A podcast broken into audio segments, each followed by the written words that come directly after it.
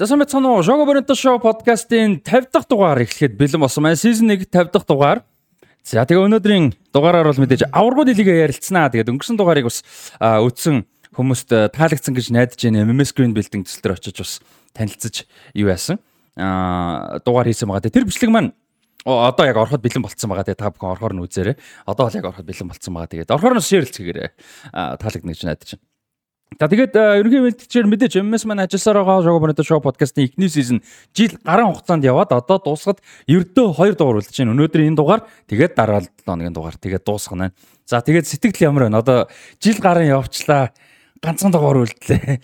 Яа нэг амьсгаа авъя гэж бодож гэнэ үү эсвэл жоохоо ямаар байсан уу? Оо амьсгаа авъя гэж бодож яг хүн тий. Одоо яг үндэ бүтэн жил ямар ч завсралгагүй явлаа шүү дээ. Тэгсэн тэгсэн. Тий. Тэгээд дэлхийн аваргын өөр чинь 1 7 хоног 2 3 мөр очиж байгаа шүү дээ. Ер нь ийм подкаст дэлхийд байхгүй шүү. Ятрах. За ста нохоонд ойртлоо л гэж бодож байна доо. Ерөнхий ивент гэгч MMS The Future is Electric. Ерөнхий ивент гэгч MMS Green Building. За тэгээ аврагын дэлийг дууслаа. Тэгээд өнөөдрийн бас сэдвүүд сонирхолтой байна гэдэгт итгэлтэй байна. 3 хэсэг гуруулаа өөр байгаа. Тэгээд 3 дахь хэсэг story time бол биш энэ удаад Италийн хөлбөмбөг бүг за Италийн улс төр нийгэм ер нь айгүй олон талд маш одоо сайн ч муу ч олон төрлийн юм нөлөөтэй олон талын талтай нэг юм ирхэн бол одоо Сильве Берлускони мөхөс үзсэн маа тийм учраас одоо юу яхаар болсон. Тэрийн талаар бас ярилцъя те.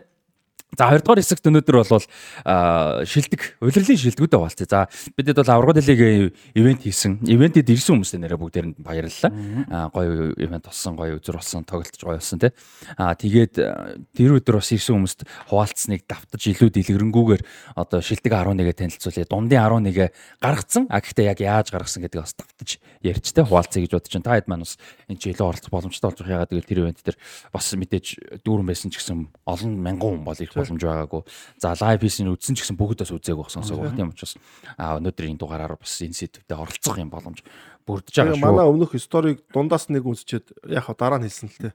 Оо та чи стори томдор бананы түүх ярьсан мгөө нэг үндэгээд тэнгууд тоолох та. Би яг нэхлээ сонсч чинь баахан банаа явуулсан гайхаа. Тэгээ дахиад жоох хүн нэг явж байгаа тавьчихад нэг юм явж идэв шүү дээ. Тэр чиг банаа ярьдаг байхгүй. Бананы дүг ярьсан юм ярьсан. Тэнгүүтээ дараа нь дахиад жоо уршлуусч яг холбоотой зөндөө гоё гоё юм ярьсан билээ гэл. Тэгээ нэг тоглоо хэлжээ лээ. Nice. Хэдүүлж бүр яг банаа ярьсан л дээ. Банаа. Тэгээд ер нь юу байт юм бол хөл өмбөг үздэг ч гэсэн story time сонсдог юм зөндөө байт юм байна. Тий. А тэгээ нэг гоё юм нь одоо бид нар чи бүх юм мэддэг гэсэн мэдээж биш те өнгөцгөн мэд юм жаа алдааж гаргаж байгаа. Тэнгүүд нэг манай сонсож байгаа үзэж байгаа хүмүүс мэддэг салбар юмнуудаа гоё орж ирээ. Одоо тэр Cavendish-гээ бананы юм дээр амар гоё комент хийсэн шүү дээ. Бүр яг бүр яг детальтай юм болсон ингэжсэн тийм. Би Cavendish-ийг санаацсан мартсан. Дугуйчных нэрийг санангуудаа санахгүй юу. Тэр чинь мондо дугуйч мэдэн шүү дээ Cavendish гэ те. Mark Cavendish үү? Тий, Марк Кавендиш байгаа тий. Санаад. Тий. Тэгээ тэрний нэртэй банан байдаг. Би тэгээд яг бичсэн хатаар өө тийштэй гэдэг тэр комментиг хараад нэг тэгж бодож байлаа. Аа. За тэгээд тэр комент бас гойсон. Гэх мэттэй яг нэг гоё комент бас байдаг. Тийм учраас комент бичцгээрээ тэгээ MMS-ийн хамт олондоо баярлалаа. Sugar Brand Show podcast-ийн season 1-ийн бүрийн одоо бүтэн ерөнхий спонсороор ажиллаж байгаа. Тэгээ та бүхэн Source CGM вебсайтаар орж мэдээлэл авах боломжтой MMS Green Building Facebook болон Instagram-аар гоё мэдээлэл аваарай. Тэгээд Green Building төсөлтэй холбоотой маш гоё бичлэг орно. Тэгээ та бүхэнд бас таалагдана гэж найдаж байна. Энэ дугаарыг ороход орцсон байгаа байх хэвээр. Ер нь бол тийм. За За ингээд өнөөдрийн дугаараа эхлүүлцгээе. Мэдээж Web Sport Lounge-да бас бичлэг хийсээр байгаа юм тэтгэгчээр ажиллаж байгаа. Баярлалаа. За өнгөрсөн 7 хоногт аврагын лигээс өмнө яг өнгөрсөн 7 хоногт яг бичлэг хийдэг оройн шөнө нь юу болсон? Conference League-ийн финишгшээ тоглолт болсон. Фьорентина West Ham гэсэн багуудын тоглолт болсон. За тэр тоглолтод бол одоо эхлээд Саид Бенрахма туруулын зохилт хийгээд 50 дугаартай юм зам хэлэхгүйсэн үү? Аа за 50 дээр юу байгаа лээ? Тий. За 50 дээр нөө Лазар Маркович байгаа. Аа Лазар Маркович тий. Уг нь их Бенфикад их од болоод Ливерпулд ирж ирсэн шүү дээ. Зүүн жигүүрийн вингер те. Тий. Э, Сербийн те. Тэгээд 50 оны дэлхийн аварга байгаа. 50 оны дэлхийн аварга чинь тэгээд юу бас яг Данийн дараа болсон дэлхийн аварга. Тэгээд Европын улсууд хүлээж авч чадахгүй те. Бразил хүлээж аваад. Тэгээд Пелегийн од болдог дэлхийн аварга. Биш биш 58 58 62 70 байдаг шүү дээ. Тэгээд Бразилд болоод нэг Мараканад дэлхийн одоо хөлбөмбөгийн дэлхийн аваргын түүхэнд бараг дэлхийн хөлбөмбөгийн түүхэнтэй тэр чинь хамгийн олон үзсэн тоглолт албан бусаар болгон 200 мянга гарцсан л байт юм лээ хэдий мэдэхгүй. Сүүлдээ бол замраг болсон гэсэн шүү дээ. Сүүлдээ чихээд тий. Тэгээ Бразил Уругвай тоглолт. Тэрийг бол одоо дэлхийн хамгийн том бас нэг тийм оршуулгын газар орцсон юм шиг одоо тоглолт байсан. Яг бол Бразил талбай дээр хөлөмгийн их ороо анх дэлхийн аварга авах гэж тоглож хөрш уруугаа тожигдсон. Тэгээд тэр олон бүгдээрээ маш их том харуулсалтай. Талбай дээр Бразил ирсэн болохгүй байна те. 14 онд бас. Бразил тэгээд юу яасан штэ. Уг нь цагаан өнгийн өмсгөлтэй тоглодог байсан штэ. Аа. Тэгээд 50 оны дэлхийн 10 шалралт тэмцээний шгшээ тоглолтод ялагдаад за шгшээ тоглолч яхаа зүгээр дөрвөн баг тойрсон. Сүүлийн дөрвөн баг тойрсон шүү. Швед. Испани, Уругвай. Уругвай, Испани, Бразил за нэг нөгөөдгөө шивэд байсан баха нэг дөрвөн баг тойрны. Яг яг ёсоор бол шгшээ тоглолт биш. Гэтэ албан бусаар одоо ингээд яг сүүлийн тойрогт таарсан баг шгшээ тоглолт маягийн зүйл байсан. Бразил тэнцсэн бол авраг авах байсан. Тэгээд Бразил хожигдоод тэгээ Бразилч түүнээс хойш үндсэн цагаан өнгийн үндсэн өмсгөлөөсөө цагаан өнгийг одоо авч хаяад гэх юм уу те. Тэгээд э, улмаар шар өнгийг. Найдад уншсан байна. Тэгэхээр тэр чинь цагаан хар зураг байгаа ш тэр чинь. Ялгахдаггүй штэ цагаан юм те. Аа уншсан уншсан. 50 оны дэлхийн 10 шалралт тэмцээнээр бас бидний Үгүй байсан гэхгүй. би үзсэн шүү дээ гоё тийм. 50 оны дэлхийн 10 шалралт тэмцээнээр бас нэг айгүй чухал факт л байт юм байлаа. Юу гэхээр 1930 онд Өмнөд Америкт тэмцээн болоход хүмүүс усан өхлөг усан хоцор явдаг байсан. 50 онд бол анх удаа Европоос Америк руу ниссэн юм бэл. Тэр бас чухал да. Чухал. Тийм болохоор Европоос олон баг орсон юм бэл шүү. Тэр чинь нөгөө дайн болоод угаасаа юу хөө амар хөгжсөн штэ давхар. Технологи. Технологи. Технологи амар хөгжсөн штэ. Технологиуд бол асар том бас хөгжлүүд болчих. Яг бол бүх хөрөнгөө одоо анаа хойд зулгас шиг байхгүй юу л угаачдаг те. Зэвсэр угаачдаг те.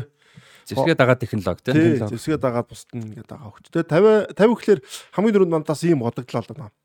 50-аас дээш насны мэрэгжлийн хөлбөмбөч гэсэн Казумиора гэдэг одоо нэг. Япон хөлбөмбөч одоо Одоо 56 Сая Европ руу явцсан шүү дээ сая. Зээлэр явцсан шүү таашаа үлээ. Португалийн 2 дугаар Португалийн нэг 2 дугаар лиг 2 ч юм уу тийм л. 50-ын тоо гэхээр түрүү араас ярьсан. За 50 дахь дугаар аврагын лигийн шгшээ тоглолт дуслаа гэл. Яг тэр үед юу санаанд орсон бэхээр аврагын лиг 50 гэхээр 2006 оны аврагын лигийн шгшээ тоглолт санаанд орсон. Яг тэр юу байсан бэхээр Европын цомын тэмцээний шгшээ тоглолт болсны 50 жилийн тохиогоод Мм. одоо 2006 оны шгшээ тоглолт чинь Францын Парист болсон шүү дээ. Стад Францд болсон. Барселона, Арсенал тоглодог. Тэр Европын цомын 50 жил шгшээ тоглолтын 50 жилийн үед зориулсан тэр нээлттэй ажиллагаа үнэхээр супер болсон. Тэнд Кройф, Бекенбауэр, Ван Бастен бүх домгуудыг ингээд нэг юун дээр амьлуулж ингэж хөргийн залаад тэр амьсртай болсон. Тэр аврагууд лиг тайлбарсан миний хамгийн анхны аврагууд лиг байсан шээ. Финалын тоглолт бид нар чи Оросоос шууд хусаа ТV-с дээр Тэгэл эр дээр ч л Орт гэсэн логотой шууд аврагууд лиг Монголд финалын тоглолтын анх шууд амжуулж ийлаа. Тэгээ тайлбарлаж ийлаа нэрэ. 50 гэхэлэр бас наждынхтай нэмэхэд нэг тийм байгаа юм байна. Өөр ч одоо 50 50 оны бүх гэдэг готлогтой болсон шүү. За одоо бүх юм яах вэ? Одоо бүх яах вэ? За тэгээд конференц лиг руу орох? Ингээ. За. Конференц лигийн финалийн тоглолт Бенрахма эхлэх гол хийгээ. Тэгээ Бонавентура тэнцвүүлээд бүр төгсөлт эрдэр ирдэх а, минутан дээр Jared Bowen хожлын голыг оруулж ингээд West Ham United баг түүхэндээ анхны Европын цом. За анхны Европын цом биз дээ тий? биш баха. Э, Юу лээ 50 хэдэн жилийн дараач лөө 50 60 жил. Аа нэг цомтой өгдөө цом байдаг. Цаадсан цом байгаа шүү. А тийм нэг байсан баха тийм. Гэтэ ер нь бол нэг олон болсон шүү дээ. А тэгээ Байвал нэг л байгаа хуугаас Европт бол. Тийм, байвал нөх олон байна. Цомтоо гэдэг цонг санаад интертот очлоо. Тэгээд а, хиний хувьд Дэвид Мойс тасалжуулагч мэржлийн карьерийн анхны цом. Тасалжуулагчийн карьерээ. Тэгээд 88 9 настай ч үлээ даав нь бас ирж үтсэн юм байлээ. Тэгээд даав дээр очиж баярлж тэмдэглэж байгаа их гоё тийм дөрс зураг бас. Мэргэжлийн спортод ер нь Болсон цом аавна гэдэг бол маш хүнд шүү дээ. Цом тий. Цом гэдэг бол төрүүл гэдэг бол маш хүнд шүү дээ. Энэ бол. Бид нар нэг олон төрүүлдэг хэдэл хараад болохоос яг үнэндээ маш олон дамирч баг 90 80 90% нь бол төрүүл нэгдэг ч юм бол асар том юм байна. Ерөөсөө цом медаль гэдэг бол. Тий. За тэгээд удирлын шилдэг то- тоглогч одоо шилдэг 11 гэж зарлагдсан байгаа. За тэрэн дээр хаалгач нь Алфонс Ариола West Ham. За тэгээ Базлийн Индоя гэж хамгаалагч юуны Фиорентинагийн Миленкович. За тэгээд Наиф Агерт West Ham байгаа. Сая төрүүлсэн. Сайн ш та. За тэгээд Кристиано Бираги Фиорентина. За Агердийн хувьд бол бас гоё үйлрэл болж тий. Европын цом авлаа, дэлхийн аварт мундаг тоглосон. За тэгээд э, Анди Бидюф гэж Базлийн төвийн хагас хамгаалагч Лукас Пакета West Ham-ийн Declan Rice West Ham. За тэгээд Николас Гонсалес маш мундаг байгаа Фиорентинад энэ үйлрэл а, хоёр цомын финалд хүрэхэд маш том хувийн нэмэр оруулсан тоглогч. А, За тэгээ Микел Антонио, а Jared Bowen гэсэн ийм тоглогчд одоо үйлрэлийн шилдэг 11-ээр сонгогдчихэ. Гой баг байна тий. Вест Гэмээс их олон орсон байна шүү дээ. тий. West Ham Фиорентинагаас За Базел бол хагас шгшээд үлдсэн баг шүү дээ. Бааса сайн байсан. За бусд нь бол дандаа West Ham юу хоёр шүү дээ Фиорентина хоёр та. За West Ham-ийн хувьд бол ингээ гоё байсан. Тэгээд Микел Антонио, Jared Bowen за ер нь айгүй олон тоглогчдын хувьд бол анхны мэрэгжлийн карьерийн анхны цом. За зарим нь бол яг юу гэдэг албан ёсоор цом авч ирсэн удаа байгаа. Одоо юу гэдэг championship төрүүлдэг ч юм уу те зарим тоглогчдын карьерда гэх мэт бол байсан. Гэхдээ том хэмжээний бол мэдээж анхны юм цом байгаа. За Declan Rice-ийн ер нь баг сүүлийн тоглолт бохоо гэсэн юм байл яригдсан. А тэгээд багийн эзэн а биш эзэн биш нэ спортын захирал нь ярьсан л л дээ. Бид нар Declan бол өөртөө сонголтын үлдээсэн байгаа. Бид нар бол өргөжлөх хүсэл бол байгаа. Хизээд бэлэн тэр санал бол хизээд бэлэн. А гэхдээ хэрвээ өөрөө явна гэх юм бол а тэгээ багт ашигтай. Одоо санал те мэдээж байх хэвээр ашигтай санал ирэхэд бол бид нар түүнийг явуулахгүй гэж бол яахгүй одоо үлдээн гэж хүчээр байхгүй гэсэн юм. Ярьсан байл. Одоо энэ дундаж багууд чи бас нэг бодлого байгаа шүү дээ. Угаасаа ийм 100 хэдэн сая хүндэд болооч байвал яг 100 саяар тань явуулж явах хэрэгтэй байхгүй юу? Ашиг те. Тийм ч ашиг байх хэрэгтэй. Дээрээс нь энэ дээр ахаад өөрчлөлтүүд Вест Хэмийн төвийн асууч нь тажгүй шүү дээ бас те. Тэгээ муу шинж энэ өдрөл жоохон Премьер Лигтээ муу болсон. Яг Европ тийм муу хэлцээ. Европын тэмцээнд учраас угаасаа аргагүй байдаг л та. Тамирчдын үед яг ингээд айгүй олон дээр одоо өдөр тутмын рутин дээр нөөрчлөлт гарна. Европ руу байнга яванд ачаал ихтэй гэдэг ч юм уу те. Тэр деклараци угаасаа энэ удаа явна гэсэн. Харин аль баг авахул Арсеналын юу л их байлаа те. Угаасаа Арсенал хамгийн юу л та. Одоо төв ягас хэрэгтэй байгаа. Яг одоо хэрэгтэй байна те. Арсеналыг бол нэлээд яригдж байгаа. Ер нь хамгийн таарах нь бас Арсенал уу? Ер нь таарах багууд юу байгаа? За би бол Райсыг бол оцсон баг алиндааш таарах хоо л гэж бодож байна. Райс тэгээд Челсид бас их гоё зөгцөн шүү дээ. Ливерпул зөгцөн очивол. Тийм. Ер нь бүгд л юм байна дөө. За West Ham-д 99 онд Intertoto Cup а 64-с 65 оны үлэлд цомтоо гэдэг цом байсан. 64-с 65 онд ч нөгөө юу байхгүй. Алдарч Bobby Moore багийн ахлагч байсан байхгүй. Английн агуу ахлагч нь Bobby Moore ингээд цом өргөцсөн нэг хүмүүсийн мөрөн дээр гараа суудсан зураг байдаг шүү дээ. Тэр Bobby Moore ч угаасаа домог. West Ham-ийн домог. Яг тэр 66 оны дэлхийн 10 шалралт тэмцээнд дэр Английн гол 3 бас нэлээд гол 3 тоглогч нь West Ham их байсан. Тэр үед бол West Ham ер нь бол Англид бол бас нэлээд тийм том баг байсан. Тэгээ тэр үедээ юунд л төрүүлсэн байна. Бобби Мурч амар хамгаалагч байсан л та. Английн одоо бүх зүг хамгийн шилдэг бас хамгаалагч тэнэг гэж явдаг.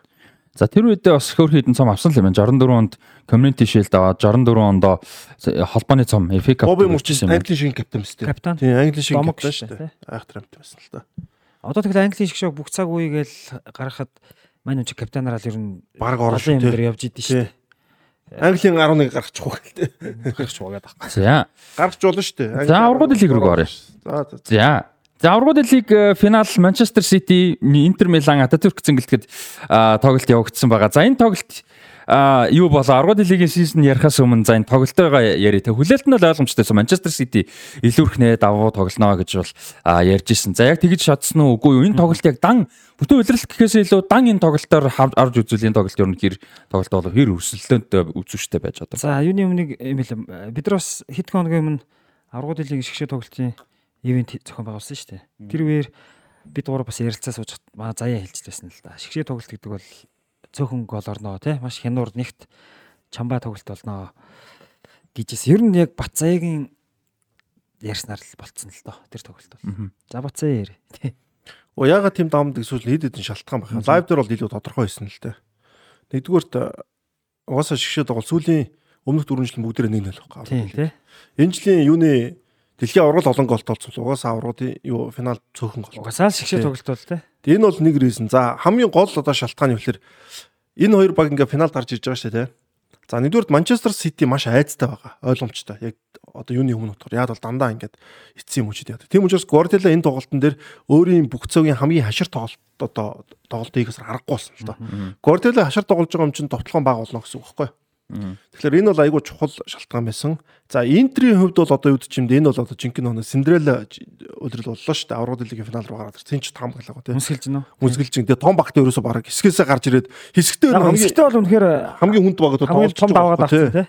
Хэсэгтээ хамгийн хүнд багуудаа Байерн Мюнхен Барселонд тоглоод гарч ирэл ерөөсө Португалийн хоёр багтаа тоглоод дараа нь Италийн багтаа тоглоод гараад байгаа байхгүй Интер бол. Тэгэхээр Интер бол угаасаа таван хамгаалагчтай хөлбөртэй тоглож байгаас Интерийн угаасаа хамгаалт угаасаа яаж яах нь ойлгомжтой байсан. Тэгэхээр би бол яг тэр юун дээр бол тим таам хөгжлөөсөн л да. Эхний үе 0-0 дуусаад хоёрдугаар үе дээр Сити нэг гэвэл хийн. За хийхгүй бол нэмэлт цаг дээр. Яг бол Сити торгуулийн цогцол руу очих юм бол Интер ташигтай болчихно. Ситид биш. Тэгэхээр яг л тийм там өгсөн тэгээд яг тэрүүгээр л болсон л да. Тэгээд шалтгаан нь бол гэдэг яг одоо финалийн тоглолтоос гадна Сити бол угаасаа нэхур тоглоно ойлгомжтой байсан. Тэгэхээр энэ гол довтлогоо нь илүү багасаа, гол илүү орно гэдэг бол жоохон хэцүү л байсан л да. Тийм л одоо бодолтой байсан юм бол. За энэ тоглолт нь өөрөө яг ямар хөө яв? За тоглолт бол ерөөхдөө яг Сити бол амар илэрхүйгүй шүү дээ. Яг хуу Интерийн Интер бол одоо бидний ярьснаас бол хамаагүй сайн тоглосон те. Үнэхээр мундаг тоглосон шүү дээ. Интерийн хамгаалтын байрлал чи одоо юу байсан л да. Айгу Симоне Энзагийг бас магтмаар байсан л да. Яг гэх юм бол Сититэй тоглож байгаа багууд бүр ингээд 16 гаруй ингээд суучдаг те.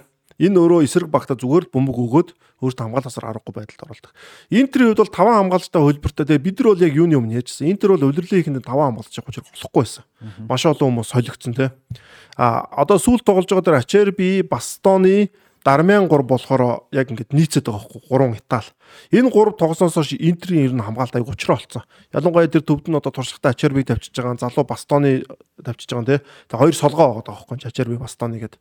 Тэгээ Дармян болохоор яг нэг тийм динамик болчихж байгаа хөөхгүй өөрөө баруун зүгрээ хамгаалж. Гэтэ баруун зүгүр тоглох та Дармян бол тэр амар товтлоод дэмждэг ус хамгаалагч биш шүү дээ. Тэнгүүл Дарман яг тийм юу болж одоо хуучнаар одоо Панучи стилийн хамгаалагч юм уу те. Италийн шиг те.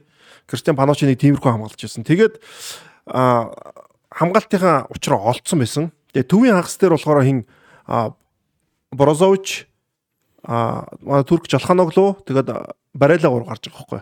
Тэгээ энэний оронд байгаа хин орж идэг манай нэг Армени Мехатрин Мектериан дээр орж тэгтээ хамгаалтын багийг гаргасан. Тэгэд энэ хамгаалтын баг яасан бөхлөөр аршаа суугаагүй талбайн төвөөс эсрэг багта прессинг хийх нөхцөлд бол тодорхой хэмжээнд хийгээд айгүй ухаалаг тоглосон. Яг тийм Италийн шогийн тоглолт үзэж байгаа юм шиг надад бол санагдсан юм бол. Тэгээ энэ тоглолт нь айгүй зүв байсан учраас Ситигийн тоглолтыг нураа Ситиг бол тийм амархан хаалгаар бол авчираагүй л дээ. Тэгэхээр энэ тоглолт бол Интер Миланы хувьд бол ерөөдөө муу тоглолт байгаагүй сайн тоглолт болсон. Яг харахгүй тэгэл нэг алдаа гараад тэр нь Родриг одоо зохиол голдсон. Тэгээд Интер бол 2 дугаар өдөр бол бүр тэр гол орсны дараа мар бол айгүй сайн тоглосон шүү дээ. Тэр дундуур нүдсэн шүү дээ. тий, боломжууд бас гарсан тий. Аа тэгээд э, юун дээр болохоор City дээр бас нэг харамсалтай юм De Bruyne дахиад аврагууд л шишээ Яг тоглолт гимтээд Челси дээр гарч. гिचсэн тий Тэгээд нэрээ. Челси дээр 21 онд гимтэй гарч ирсэн. тэр жоо харамсалтай те. Тэр бас харамсалтай. Дөнгөж 35 дахь минут нь тэгээ фууд нь орж ирж байсан энэ тоглолтын дээр. За энэ тоглолтын нийт статистик харах юм бол хаалга онсон цохилт Интер 5, City 4 байсан.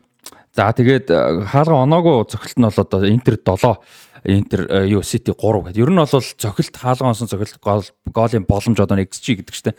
XG-гэр бол 1.66 гэж э, гаргасан байсан. За тэгээд юуных болохоор Манчестер Ситигийн 199 ер нь бол яг л нэг л голын нийттэй хэмжээний боломжуудыг гаргасан гэж бол гарч ирж байсан.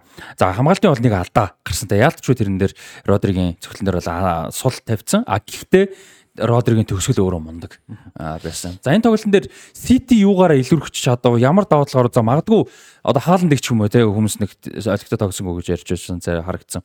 Тэнгүүд энэ тоглолтын дээр ер нь яг Ситигийн давуу талууд юу гарав? Ситигийн сул тал яагаад Интерийг ингэж мундаг өрсөл дүүлв гэдэг ч юм уу. Ситигийн хамгийн том давуу тал угаасаа тактик байсан. За орсон гол би одоо энэ дээр таяртай нэг жоохон санал зөрөх юм байна.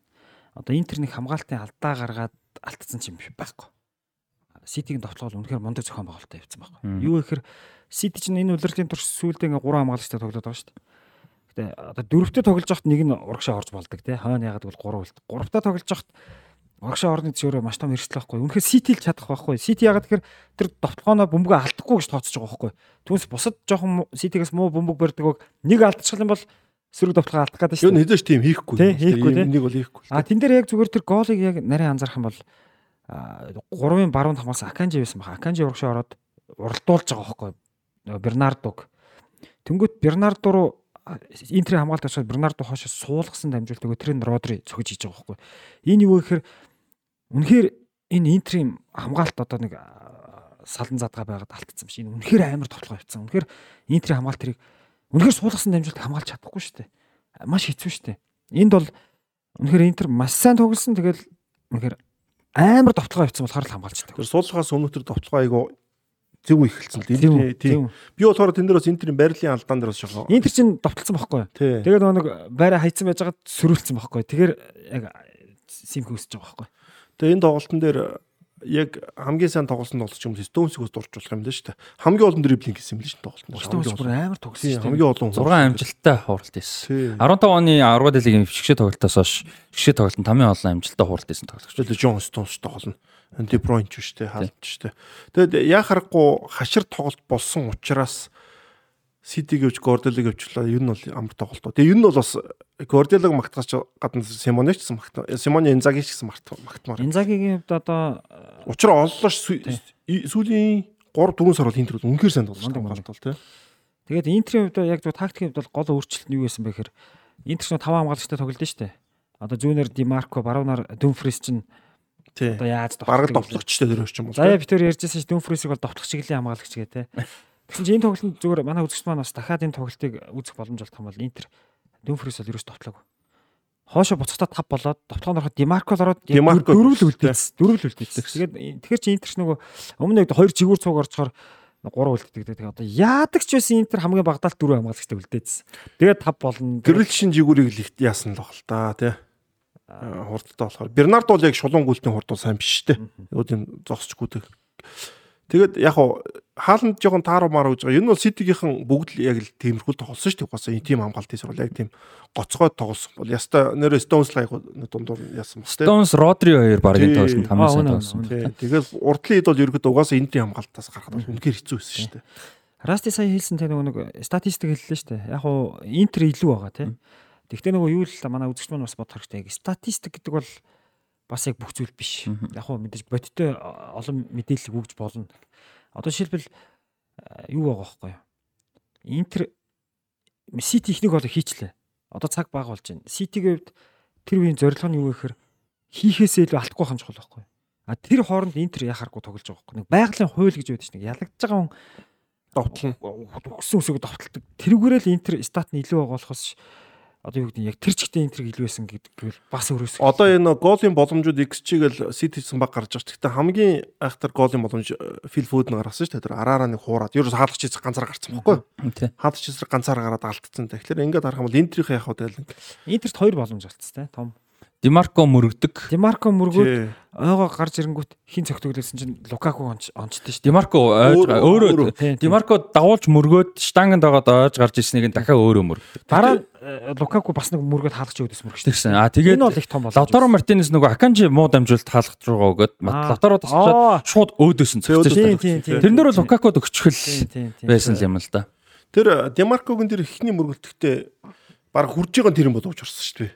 Дагуулж байгаа нь. Гэхдээ тэр бүр яг урд нь яг хаалгач нүдэд тулц бүр амар мэдрэмжтэй мөргөлтөөсөн гэж бас би бол Би бол тэрийг дэ Демарко яг ингээд хамгийн эцсийн юугаар хүрээл яг ингээд одоо үүд чинь гоё хүн харж байгаад мөрөх ч юм уу оруулч хийж мөрөхөд бол хэцүү мөргөлээс юм болж байгаа байхгүй.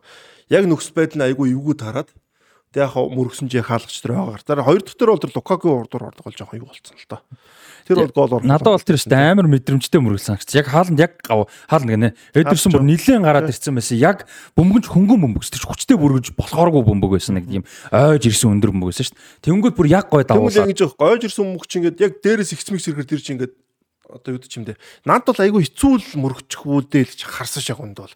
Аа зөөл бу- тэр чин болохоор бөмбөгний бас зөөлөн ирж байгаа ч гэсэн тэр чин төрлөө өсөрчүүд бөмбөгтөө төрлөө буучдаг те. Айгүй хэцүү байхгүй тэр чин бөмбөг айгүй удаан арай. Тэгээд ингээд яг гой толгоогоо ингээд савж мөрөгдөн шүү дээ. те. Савж мөрөх боломж байхгүй яг ингээд гой тавьсан л да. Хойшоогоо те. Тэнгүүл чиг хаалгач ингээд давуулж тэр нь бол яг над болж байгаа хэцүү санагцсан яг нэг нүлэгт бол. Тоглолтыг харж байхад бол. Тэр бол гайгүй бод. Тэр чин гол оршин дараа Тий. тий. Тэр орсон бол тэ тэнцэх байсан. Тэнцэх байсан. Тэр фөөд нь бол амар том боломж алдсан дээ. Яг хаалгач шисэр ганцаараа гарч ирээд. А Онана их сайн тогстой. Интерес энэ тоглолтод хамгаалт угаасаа мундаг байсан. Дээрэс нь Сити нэг тийм аюултай боломж одоо Фодны шиг боломж зөвхөн гаргасан ч гэсэн яг гаргасан хэдэн боломжууд дээр Онана амар тогсоо. Дээрэс нь Онанаг нөгөө нэг хүмүүстэгчээс бэ Бэлэтэй найруулагч гэдэг Ерөөсө бүр тэр дамжуултад өмнө нь тасгаа тасгаа дамжуултаа гаргаж өгсөн шүү дээ ардаас те. Бүр зон давсан яг доогуур моогуур 2 3 ситигийн тоглогчийн дундор зүсч мөссөн дамжуултад ардаас гаргасан. Онанагийн бөмбөгтэй тоглолт бол бүр Ононог ч одоо интерес өөр том багууд аавна гэж юу гараа яриад дээ гол нь. явахаар хэмжээний л дээ. Ер нь Аякс гарч ирж байхдаа тэгж яригдчихсэн байхгүй. Тэгээ зүгээр тэр нөгөө нэг бандуулаад тэгээ угаасаа тэр бан өөрийнх нь ямар ч буруу юм байгаагүй чинь дараа нь буруу гүнж тогтогцсон. Тэгээд цаагдах юм уу те? э, ер нь бол бо- яг цаа- албан ёсоор л цаадгаагүй. Гэхдээ угаасаа л буруу биш байсан юм бэ л л. Тэгээд тэр нь зүгээр ингээд одоо жишээ нь буруутай байсан бол том баг хөдлөж авахгүй те тэр үний чинь ингээд юм юуны асуудалтай гэж үзэж хинч тэгээгүй угаасаа өөрөөс нь 100% болоогүй гэдэг утгаар. Тэгээд э, юу дуусангууд нь бан дуусаад шууд гэрээр нь асуудалгүй зүгээр явж байгаа байхгүй. Тэр хоорондоо гол нь зөвөр бэлтгэлтэй байх нь чухал байсан. Яг ононогод бас шигшээ баг дээрээс асуул гаргацсан шүү дээ левар дээр тий. Яа тийм ээ. Гэхдээ тэр нэг тийм амар том асуудал яг байсан уу? Яг тасалжуулагч Тэр чинь одоо бараг шигшээгээс болчихж байгаа юм шүү ононоо ч. Яг болоогүй л байлаа л дээ. Зүгээр ингэсэн шүү дээ. Нөгөө нэг Rigobert Song биш аа. Хин Алиус эсэ тий. Сон Сон мөн шүү дээ. Алиус эсэж Сенегал тий. Аа альж. Тийм Rigobert Song Song ч юу яагаад нөгөө нэг мань үнийг мань ч бөмбөгтэй тоглолттой ардаасан гэж найруулж ингэж амар тог. Тэгээд нөгөө баг ингээ араасаа ингэж тоглоё гэж тэгсэн чинь тэрэн дээр л зөрөлдсөн юм байлаа л дээ. Тэгээд яг хөө мэдээж хоорондоо бас янз бүр болоо. Тэгээд том нөгөө бэлтгэлийн талбай дээр байсан болохоор саасан. Тэгээд тэр нь ингээ том мэдээ болчтой. Яг угаасаа зүрх юм зөндөл гарна шүү дээ. Тийм. Угаасаа хөл өмгийн багийн спортоор 20 дүн чинь зүрхгүй нэг хизээж байхгүй дасгалжуулагчтай хоорондоо. Тэгэхээр тэрэн дээр одоо юу чинь дасгалжуулагчтай тэр муудах юм дэ зөрчилттэй бол том зөрчилтөд орно л доо. Би бол тийж дэлхийн ордоор яг би бол тэгж л харсан юм. Тэгээд тэр чинь нөгөө pressure cooker гэдэг шиг нөгөө ийм одоо юу ихтэй дагант ихтэй уур амьсгал дунд байгаа. Дэлхийн авраг дээр байгаа. Тэгэхээр ингээ нэг бүтэн жил явж байгаа л тийг дунд биш байхгүй тий.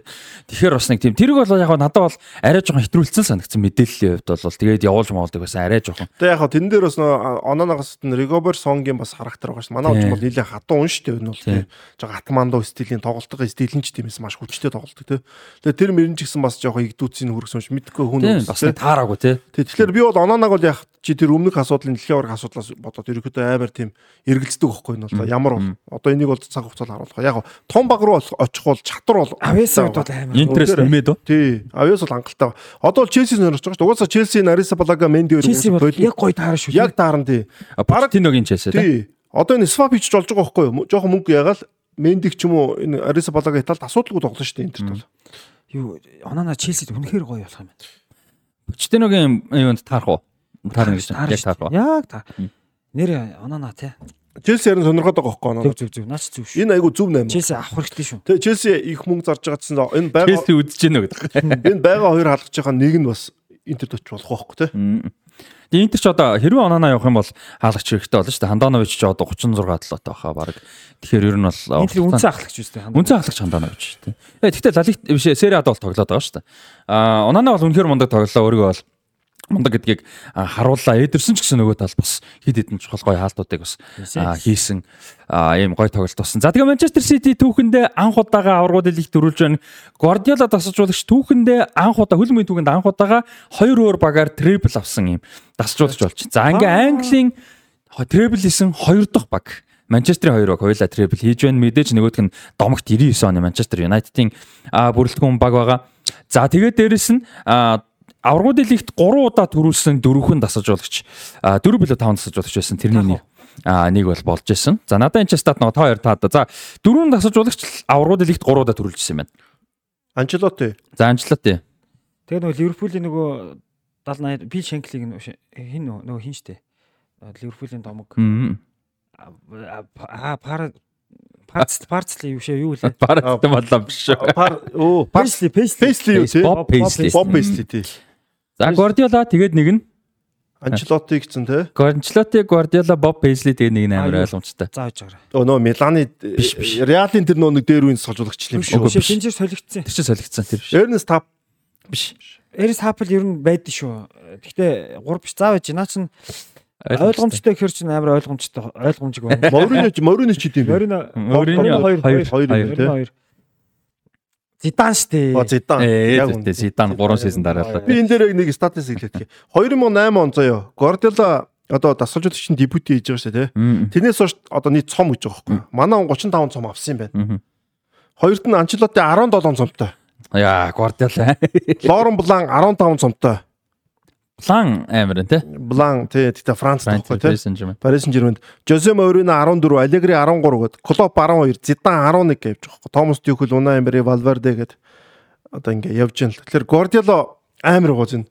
12 нь нийлээд хүрэхгүй шүү дээ. Анчелоти Блан 2. Зөгөө зөө. Гвардиола ч амар байна. Мань хүний менежмент ч амар байна. Мань хүн аль багт очихооч их зөв тооцож. Гвардиолыг гол нь цомоос гадна үнэхээр агуулга амар байхгүй. Тоглолтын агуулга. Тэгэхээр үнэхээр амар одоо. Юу ч зүгээр нэг хамгаалсараа цом авдаг сэлжүүд биш. Хамгаалсараа цом авдаг сэлжүүд ч олон зам авдаггүй шүү дээ энэ бол тий.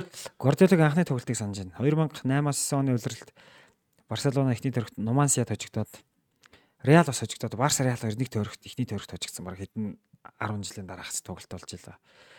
За тэгээд Гвардиола явсан да тий. Энэ тоглол яг хожигдоод эхэлж байна шүү дээ. Гвардиолагийн тоглолтыг яг үзчихсэн үү? Яг үзчихсэн санаж байна уу? Өөрийг нь Барселонад авах туу. Барселонад. Ромад ч юм уу? Тий. Гвардиолач нэг ингэсэн юм. Ромад очиод нэг сэргийс допинг хэрэгсэн ороод нэг дүүлэн болдсон шүү дээ. Тэгээ дараа нь цагаатсан билээ яасан бэлээ.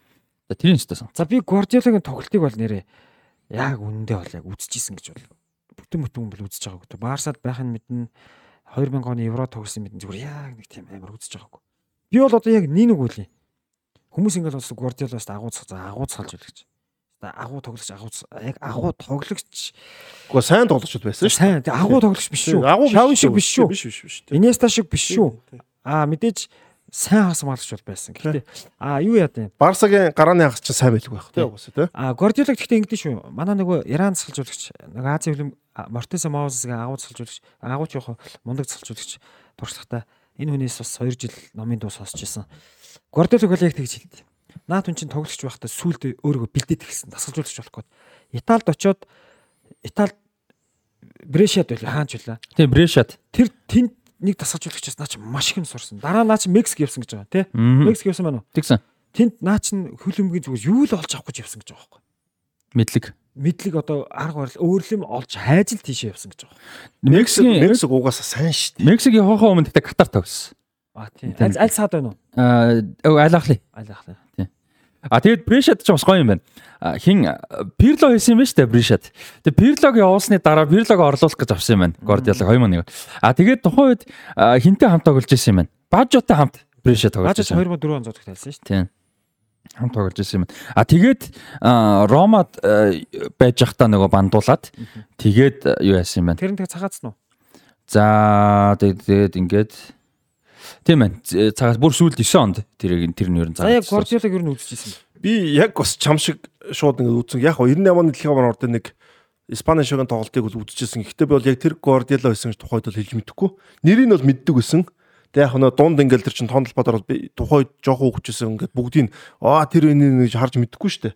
Яг Испани шин тоглолтын ерөнхий тоглолтоор нь бол ямар ч зэн тэр төвийн хагасууд энэ л харж байна. Тэгээс бол энэ яг 98 онд угаасаа тоглоогүй юм. 98 онд биш вэ нүү? Үгүй 98 Тэгвэл оны 96 оны Европын авраг юм болов уу? 96 оны Европоос тоглоогүй юм. Хавьер Клементе гэж Испани шог 2000 он 2000 он биш. 2000 он тоглосон шүү. 2000 он та 2000 2000 тоглосныг бол Таны да 98 онд би яг яагарахгүй Гвардиолаж харсан. 2000 онд биш үү? 2000 он. 2000 оны Европын авраг бол 96 оны э, юугаар Евро дээр юу яасан юм бэ? Хавьер Клементетэй муудалцаад тэгээ бүрэлдэхүүнээс хасагдчихсан чи 98 он дахиад 98 онд байгаагүй юм уу? А тэгээ 98 онд тоглох байсан гэхдээ хүнд гэмтэл авсан юм байна. Тэгээд ороогүй юм. Аа тэгээд яг яг тод орж ирэхгүй байгаа нь тэр юм биш үү те?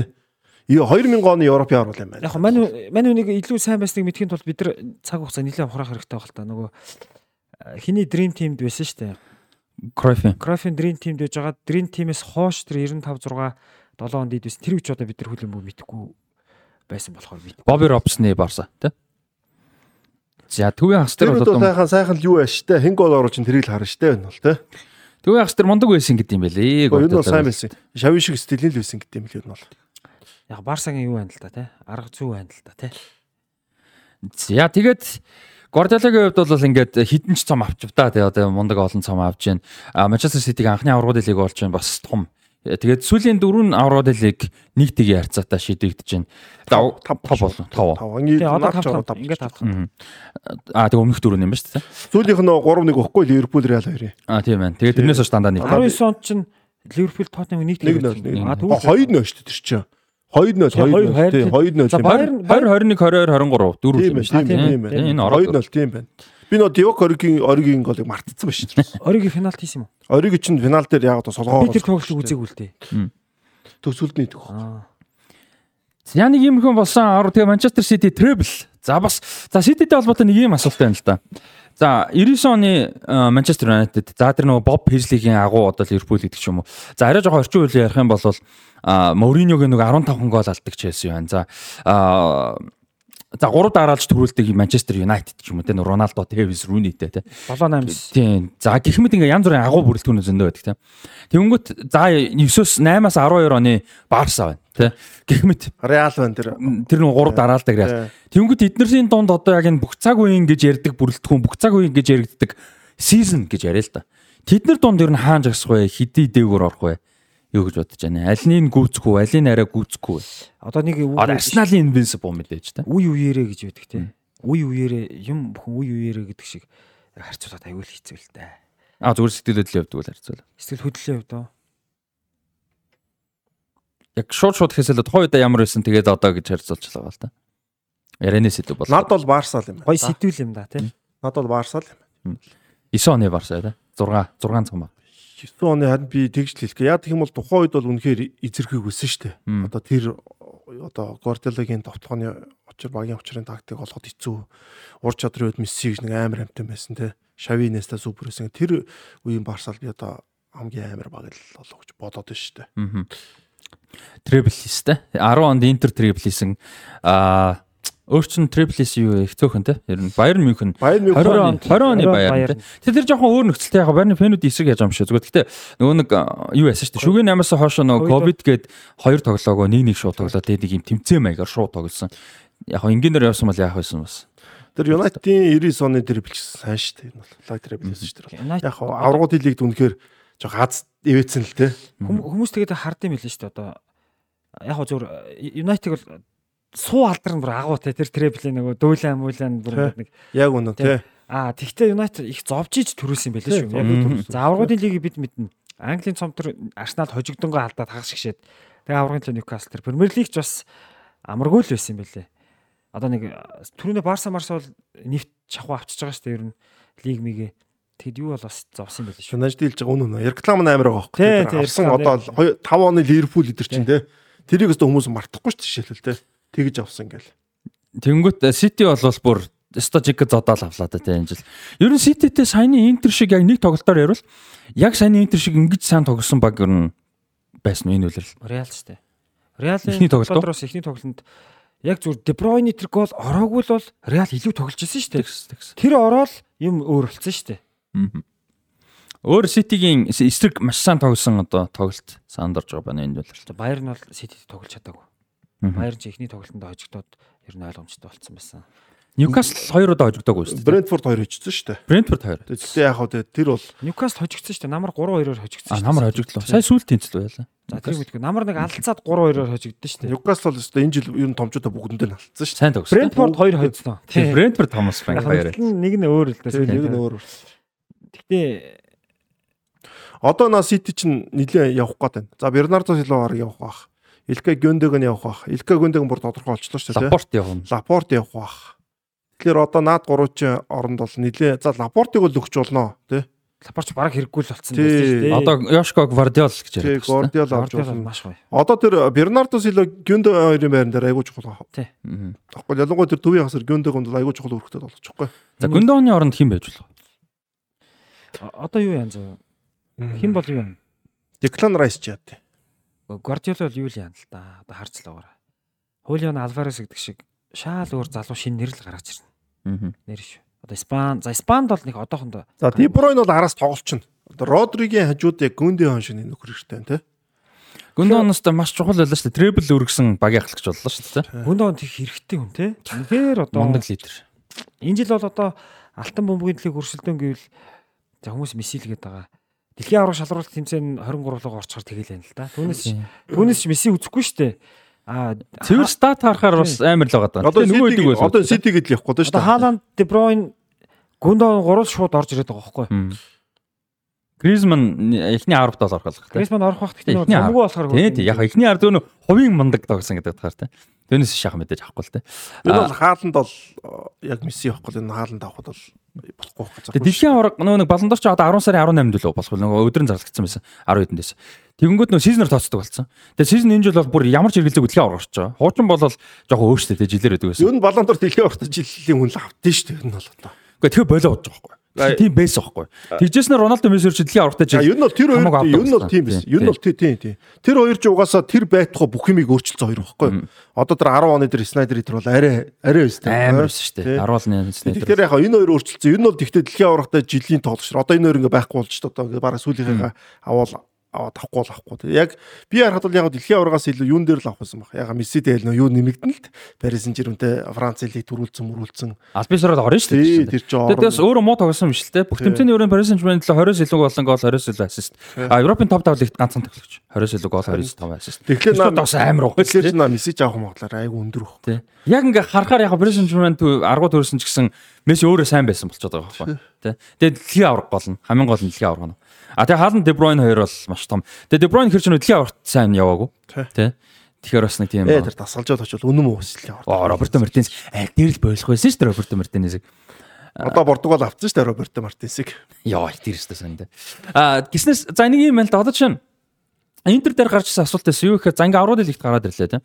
Аа за ерөнхийдөө насны хувьд бол нэлээд дээгүүр орж байгаа бүрэлдэхүүн. Яг хаа ганц хоёр Бастоны Мастоныг Барелла гэж залууд өчж байна. Гэхдээ ерөнхийдөө нэлээд өндөр настай. Барелла залуу биш одоо 25 6 хүрч байна тийм баг тийм баг. 97 оных баг шүү. Тийм баг. Тэр яг одоо юу гэдэг нөгөө нэг шин залуу бол биш болчиход шүү дээ тийм. Тэнгүүт За энэ бүрэлдэхүүний хувьд ингээд одоо яг жил болгон аврагууд лигийн бүрэлдэхүүн бол биш ээ. Тэ? За дараа жил энэ дээр гайгаа босч чадах уу үгүй юу гэдэг л юм ярьж. За тэгвэл Ситиг ярих гэдэг л да би гол нь интервью. Ситиг гэхээр за олон жил өстө сүүлийн 5 6 жил Европод дэлхийд хөлбөмбөгчтэй ноёргож сонирхож явж явж явж явж явж байгаа л энэ жил үнэхээр өстө гудаад ингээд авлаа л да. Тэнгүүт энэ нь юм уу эсвэл олон жил явж явж байгаад хүрж байгаа ганц ориглон юм уу? Одоо энэчнээс энэ хүртлээ яг ер нь дахиад аврагын төлөө хэр өрсөлдөх юм. Гвардиола байгаа ч бас өрсөлдөн шүү дээ. Мөнгө байна Гвардиола биш шүү дээ. Тэгэхээр энэ багууд угаасаа л ойлгомжтой. 10 жил ахаа Сити өрсөлдөн. А танд юмны шинэ эхлэл гэж бодож уу эсвэл яг урт хугацааны юмны дуусж байгаа төгсөлт гэж бодож чадахгүй байна. Эхлэл дуусла амар их хэцүү асуулт шүү. Зүгээр нэг прогресс яваалаа шүү дээ, тий. А харин тэрнийх нь за одоо чинь Артета дээр бид нэр эхлэл гэдэг юм байна шүү дээ. Энэ жил аврагын төлөнд аврагын төлөнд дундаа зөв прогресс л очиж байна. Яг эхлэл. Тийм, прогресс. Наа ч одоо яг Сити юм байхгүй. Ер нь шүү дээ том тэмцээн төрүүлнэ гэдэг тийм амар зүйл биш байдаг. Нилээ олон унаж босож ингэж бүр нэг гомдож одоо ер нь нэг шантрахаа шантраад болоод шантрахгүй нь явсараагаа л авдаг байхгүй. Юм гэдгс нэг хүртгэхийн тулд бас те нилээ Сити бол тийм эргэтэй баг байхгүй. Одоо яг сүүлийн 3 жил бол гол фаворит бол Сити байсан те. А тэгэхээр Сити авдаг авцсан энэ магадгүй одоо Европт ялангуяа нэг азгуйт итгэн багсаад Европт ер нь ойрын за дараалал олон биш нэг 5 жилдээ 2 ч юм уу авчих үүд нэгдлээ гэж би бодож байна. Харин тэрийг л би асуугаад байна л та. Харин би сая нэлээд бодож бодож л тэгж хэлж байна. Эхлүү үгүй юу гэж. Яг нь сэтгэл зүйн өдөн ч айгуу том давуу тал болчих. Нэг авраг авцсан хүмүүс чинь дараагийн авраг нэг өөр авраг биш хүн чинь нэг шал өөр өдөө тий. За тэнгөт Guardiola ингэж юм л 25 урт гэрээ таа. Аа тэгэхээр хоёр үлрэл гэсэн үг яг одоо тодорхой биш ч гэсэн шийдэггүй ч гэсэн ер нь бол сунгахгүй байх магадлал нэлээд өндөр гэдэг яриа яваад гэсэн. Бид нар мэдгүй ч гэсэн. За сунгахгүй байлаа гэж бодъё. За тэгвэл өнгөрцөн хоёр улиралт мэдээж зорилго тэр биш шүү дээ. Дахиад хоёр трибл хийх хэцүүлтэй. Гэхдээ зорилго бол та. За тэгвэл цаашаа яах вэ? Хэрвээ Guardiola 25-нд явчвал City одоо ямар тасалжуулагч авчруул тэр үедээ нэг хүн гараад хэцүү те. Ер нь бол шүү дээ те. Унах уу? Унана. Ер нь бол одоогийн City ч яг аврагын лиг сайн тоглож магадгүй Премьер лиг мэгт унж магадгүй. Яг тэгвэл шүү дээ энэ ер нь нилээ өндөр гарцсан юм чи яаж ч ундаг байхгүй. Ханал ханах гэж юм байна. За ханахаас гадна угаасаа л муу имийг босох амархан байхгүй. Ингээд дээр гарцсан юм чинь буулахгүй байна гэж амар хэцүү байхгүй. Тэгэхээр угаасаа Гвардиолон байсан ч баг дотоодын лиг мэгт бол чанар унаа шүү. За энэ жилиг ер нь харах юм бол дотоод унтсан шүү дээ угаасаа. Унтсан шүү дээ. Унсан гэж? Энэ жил ч одоо Сити чинь Сити чинь сүүлийн хэдэн жил бол яг нэг нөгөөлөхөд дотоод айгүй муу эхлээл. Тэгэл нөгөө хэд нь л муу байгаа болохоор төсөлдөө барьж шүү дээ. Төсөлдөө барьж байгаа та. Түүнээс э, нөгөө хэд бүр ингээд нягт ингээд тоглох юм бол барихгүй ч гэж болно шүү дээ. Ливерпулийг бариагүй шүү дээ. Аа. Бус нь тэгэл муу. Ливерпул нягт нягт арай л нэг тусалдарч. Одоо 99 он бол юу лээ. А тэр төрүүлдэг жилдээ Ливерпул юу яасан? Хамгийн олон оны зөрүүтэй байхдаа 25 онооны зөрүүтэй явчихсан нэг хэсэгтээ. 25 оноо зөрүүтэй төрүүлээгүй гэхдээ дунд нь. Тэгэхээр бас хитрхээ тасарсан л байсан л та. Аа за тэгвэл ингээд аврагын лигийн хүрээнд яриагаа өндөрлөе гэж үзэн. За Интер Миланы хувьд бол Симоны Инзагиг үлдээх байх. За Стивен Жан а бол бас цагуугийн асуудал их байгаа. За энэ багийн асуудлууд бол дуусаагүй. Ер нь олон олон тоглогч явуулж магадгүй гэсэн одоо энэ Бастоныгаа явуулах моолох гэж хүртэл. Хамгийн гол амт. Тэгсэн чинь Бастоны барилын ор бол өөртөө л явахгүй. Өөртөө өөртөө ирээдүү залуу дээрэс нь нөгөө өөртөө Интерийн фэнүүд хүүхэд байгаас Интер фэнүүд мөрөөдөл нь Интер байсан. А тэгэхээр за энэ хоёроо явуулах юм ихт Унанаг явуулах уу те. Одоо Лавтаро Мартинес магадгүй Унана гэсэн нэг Унана гэдэг яг тэр тайлбар. Унана бараг явж байгаа. Ингэвт одоо ийм байна л нөө Реал Мадрид чинь товтлогч хайж байгаа яг Мбаппе гэдэг автомат юм яриа байгаа. За мэдээж Harry Kane нөө. Тэнгүүт нэмээд Lautaro Martinez гэдэг сонголт мэдээж бас байгаа тийм. Lukaku-г нэрч явж илээ шүү дээ. Тэнгүүт ийм одоо Интер одоо яаж бүрэлдэхүүнээ зэгцлэх вэ? Яаж мөнгө олох вэ гэдэг. Саний аврал лигийн финал хүртэл явсан бол маш ашигтай болж байгаа. А гэхдээ асуудлууд нь бол дуусаагүй. А тэнийг юм хэцүү байтлаа. Дээрэс нь Сан Сиро Жузеппе Меаца цэнгэлэгч одоо нураах үгүйгээ. Яг Олимп бол босгоо билээ. Би сүүл дээр нөгөө нэг барын нураагаар болсон гэсэн тэр нь хിവэр. Ер нь ингээд нураагаад өөрчлөлт оруулсан. А гэхдээ олимп бол болох юм билээ. Ямар ч 26 оны үлийн олимп бол болдгоороо болцоод араас нь тэгээд өөр юм. Тэгэхээр дахиад нэг хоёр үлрэл бол Сан Сиро Меата Олимпийн явах юм билээ. Тийм. Милан тэгээ Миланы ойрхон байдаг нь хотч байлаа. Демпаццо. Кортино бол Кортино тийм Кортино Кортино. Демпаццо лөө. Тийм. Тийм баха тийм нэртэй санагч байна. Тэнд бол болно хувьд бол асуудал бол шийдэгдэхгүй. Яг тэгвэл яг аврагын лигт хасагдах тэмцээнд нэг одтой байгаад финалдж болно шүү дээ. Энд ч бол тогтвортой байдал биш байхгүй яг их мөнгө авч байгаа. Ер нь бол Интер бол угаасаа л проблем их байгаа шүү дээ. Үжигэрсэн тий. Тэгэхээр бол энэ асуудал бол шийдэгдэхгүй. Э, Интер хувьд гэхдээ одоо гоё байгаа нь сүүлийн хэдэн жилд бол дандаа цомтой багтах тий. Италийн цомж байд юм уу, супер цом авд юм уу? Тэр бол бас И- и- Сери А-да төрүүлд. чухал үзүүлэлт. Тэр бас эрэхтэй. Ингээ сүүлийн 5 жилд хэдэн цом 6 7 цом авч. Бас ингээ цом аваад л яваад байгаа байхгүй. Тэр бол бас нөгөө сэтгэл зүйд тий уур амьсгалд бол. Одоо Италийн шиж Интер дээр тулгуурч босч штэ. Бастоны Барелла гэдэг тий. Одоо арын дөрөв хамгаалагч тэр чигээр орж иж байна те. Одоо Демарко, Бастоны Ачерби болон одоо Дармян гэдэг. Дарман бол үе дуудаж байгаа ш Дарманыг бол. Тэгээ одоо тэнгуэл баруун зүгүр дээр нь одоо Дилоренцо ч юм уу юм байт юм те. Калабрик ч юм уу тавьж өгөө. Тэгээд болж байгаа. Тэгээ төвдөө угаасаа Вирати, Жоржинио Барелла горч юм уу те. Тэгээ урагшаага Кьеза одоо энтэй. Урагшаа том- 80 80 шүү дээ 80 шүү дээ. Одоо урагшаа их болсон. Яг 80. Тэгээ голдоо Тонали Локателли Интер нэмэгдэж а, байгаа. Тонали орж ин. Яг үн Тонали ч гоё орж ин. Жоржинио баг байхгүй болох юм байна. Тийм Тонали баг тийм ч байна. Тэгээ Локотелли ч угаасаа гол сэлгэн л дээ Италийн шог энэ. Одоо урд Киеса форма болох хэрэгтэй. Еврогоос өмнө энэ үлэр. Урдаа ер нь гэхдээ яг том нэр халах те. Киеса их гоё яж байгаа амар гимтцэн. Тэгээ одоо энэ жил нөгөө фит байгаа байх бах. Тэгэхээр одоо энэ амар эхлэх үйлрэл одоо яг бүтэн гоё тоглох хэрэгтэй болно да. Гэтэ Итали яг том нэр байхгүй ч гэсэн урагшаа давгүй давгүй. Ер нь гарч ирж байгаа тоглогч бас хэд хэд ер нь байгаа тийм. Скамака Интер гэдэг бас дажгүй тоглогч бас байгаа. юун дээр Ситигийнхэн тусаад манай Жак Грилиш ч яста ууж тий үзүүлж байгаа шиг байна да. Тийм шүү дээ. Манай He drinks everything гэд хин хэлсэн мэл. Гönдөг нь хэлсэн мэл. Хин хэлсэн мэл. тийм баха. Нэг нь хэлсэн мэл шүү дээ. Тэгээд нөхөр ингэсэн мэлээ. Стамбулд ингээд туусаад ерөөсөө уугаад эхэлсэн байна л та. Тэгээд хувийн онгоцоор Буцаж яваад. Ибица арлуу явсан гэсэн. Тэнд очиж нэг том буудлын юу түрээслээд одоо түрээслээд буудлаар ороод тэгээд бөөнөр үүр цатал шавуудаад. Тэн дээрээс өндөө тэгээд бүгдийг нууж гэсэн гэрэлч одоо пив уул, виски, грейгус мус ингэсэн явж байгаа шиг тий. Тэгээд дараа нь Манчестер э, юунаас тэр юунаас гарсан чинь тэр буудлынхаа юм хэлсэн гэсэн Кайл Вокер та ингээд юу сандал ингээд аваа яваад ихгүй надад чи явж чадахгүй нэг. Тэгээд сандлан дээр аваад. Тэгээд тэр э, багаараа тэр хонгоцонд бөөнөрөө ингээд багаар авахулж тэрэн дээр гришиг оруулаагүй гэж хэлсэн. Ясаг читэргээс огтуу байсан. Тэгээ парад руу яа нэгэд парад руу явахад нэлээд бас халамцсан боломж явсан юм уу та. Буруу автобус 100 галцсан нөхөр. Мгм. Тэгээ парадны нэг автобусаас үсрэн мүсрэн гэж үтсэн гэсэн нөхөрч. Тэгээд Манчестерт парад болоо парадын дараа Манчестерт дахиад шоудаад явж байгаа. Одоо энэ шигшөөгийн тоглолт Nations League байгаа шүү дээ Нөхрийн нэр явжлаа гойлгоо тийг одоо тэгээд сайн даах юм аа одоо тэгээд. Гоё л шүү дээ. Энэ чинь юу байхгүй нөө юу коронавиг үед нэг бас ингэж усан шүү дээ. Нөө болохгүй үед бас ингэж Одоо байгаа. 20 20 20-ны дөрөв зөрчил. 20-ны дөрөв зөрчөөд бас нэг Нэг гэрэлж багталсан. нэг багталсан тэгээд. Энэ бол бас сайн ч ууд юм байна, сайн ч тоглолт юм байна. Тэв тэмдэл хэрэгтэй шүү дээ. Гоё л шүү дээ.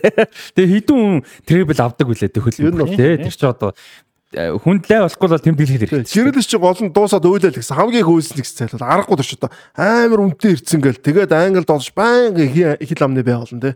Тэгээ дээрэс нь юу гэдэг тавирсан боловч бодсон шүү дээ хамгийн нэг тийм дээшигээ ахиж гарч ирсэн бүр тоглогч нь. Яг үнэ, яг үнэ. Бус нь бол одоо шин фоуден ч юм уу хин бэ эдгэр чинь ингээд нэг тийм жоохносоо од болцсон ч юм уу те ингээд нэг том багт очим додроо яг махрын центроос нэлээд хөдөлмөрж гарч ирсэн л дээ. Гэхдээ тийм штэ. Түн грилэс чинь ингээд чемпионшип мэпэд ингээд бүр хамгаа зориулж гарч ирээд те бүр ингээд Астон Виллата мангар олон жил бүр ингээд өгч тий. Тийм тэгжээж юм оргил түрээд ингэж яаж одоо тэр нэг Реал Мадридтай байхаа тоглолт би тэг санаад байна. Тоглолтын өмнө ээж нэг мессеж ütсэн гээ айгуу гоё юм ярьсан санагдчихэв.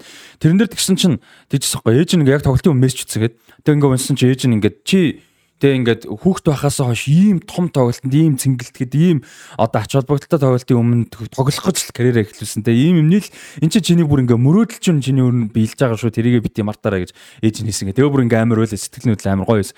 Тэгээ яг мэдээж мэрэгжлийн хүн чинь тэр дундаа орц үед бас тэрийгэ заримдаа мартаж байгаа шүү. Тэгээ өөртөө ямар амар том. Тэгээ тэрийг ингээ бодо Сантьяго Бернабе үед те гаврагуу дилийг юу доосонсоо ингээ яа гэдэг бол мөрөөдөөд ч бараг яхааргүй хэмжээний амжилт тэрэндээ байгаад бол үнэхээр баярлж байгаа гэд.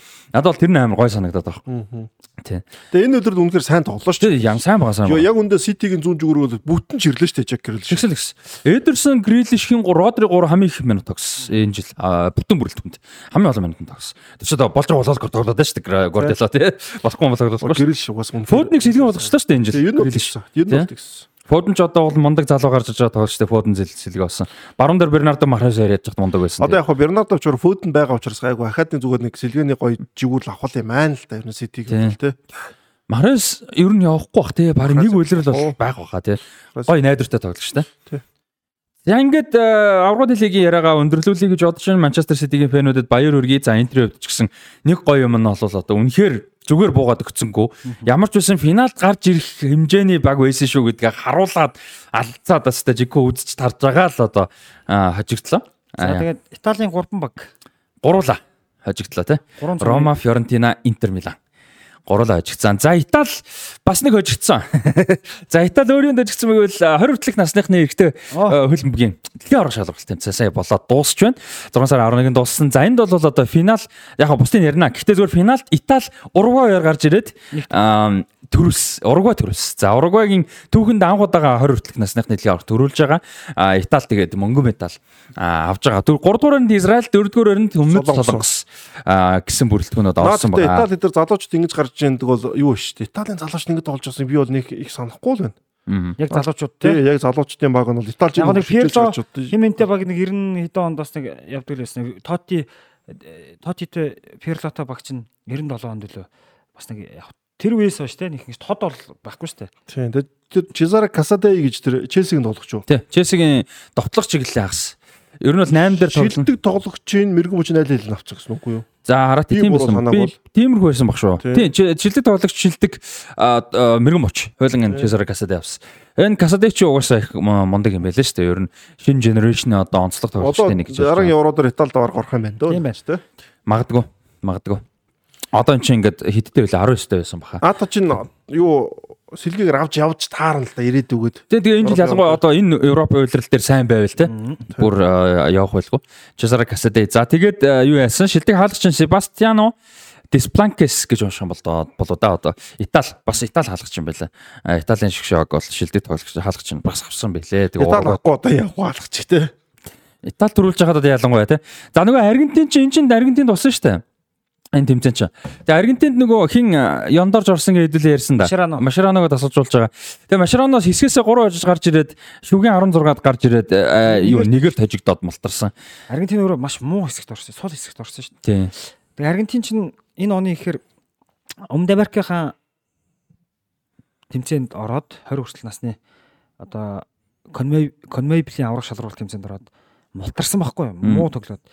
Тэгэхээр би дэлхийн аврах шалралт тэмцээнд орох хэрэг аваагүй гэж бодоод тэр тэмцээнээс ирэх авдаг. Тэгсэн чинь зохион байгуулагчийн өөр орсон байлээ шүү дээ. Тийм. Тэгээд м, Машерано нэг боломжтой болсон тийм. Машрано тэгээ одоо бараг халагдж халагдсан баха.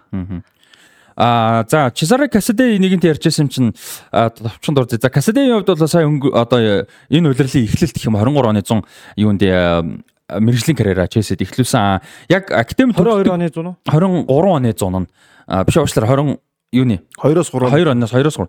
Тэгээ 22 оны ихэр гэсэн. А дундуур гэсэн уучлаар. Тэгээд тэрний өмнө нь бол академи яг Челсиэс төгссөн. Гэхдээ нэг л жил Челсиг академид сураад төгссөн. Тэрний өмнө бол а 4 жил Интер Миланы академид байсан. Тэгээ Интер Миланы академи 4 жил байж хагаад 22 онд Челсигийн академи руу яваад тэгээд тэнцэнээсээ дундаасаа шууд төгсөж байгаа. Тэгээ Челсигийн үндсэн бүрэлдэхүүн лөө оронгуудаа тоглоогүй Челсид. А юу саяны өвлийн 8-ны цонхоор Ридинг руу явсан юм байна. Лиг нэгт байгаа. Ридинг баг. Тэгээ Линдигийн Ридинг багтаа хит тогсон юм дээ.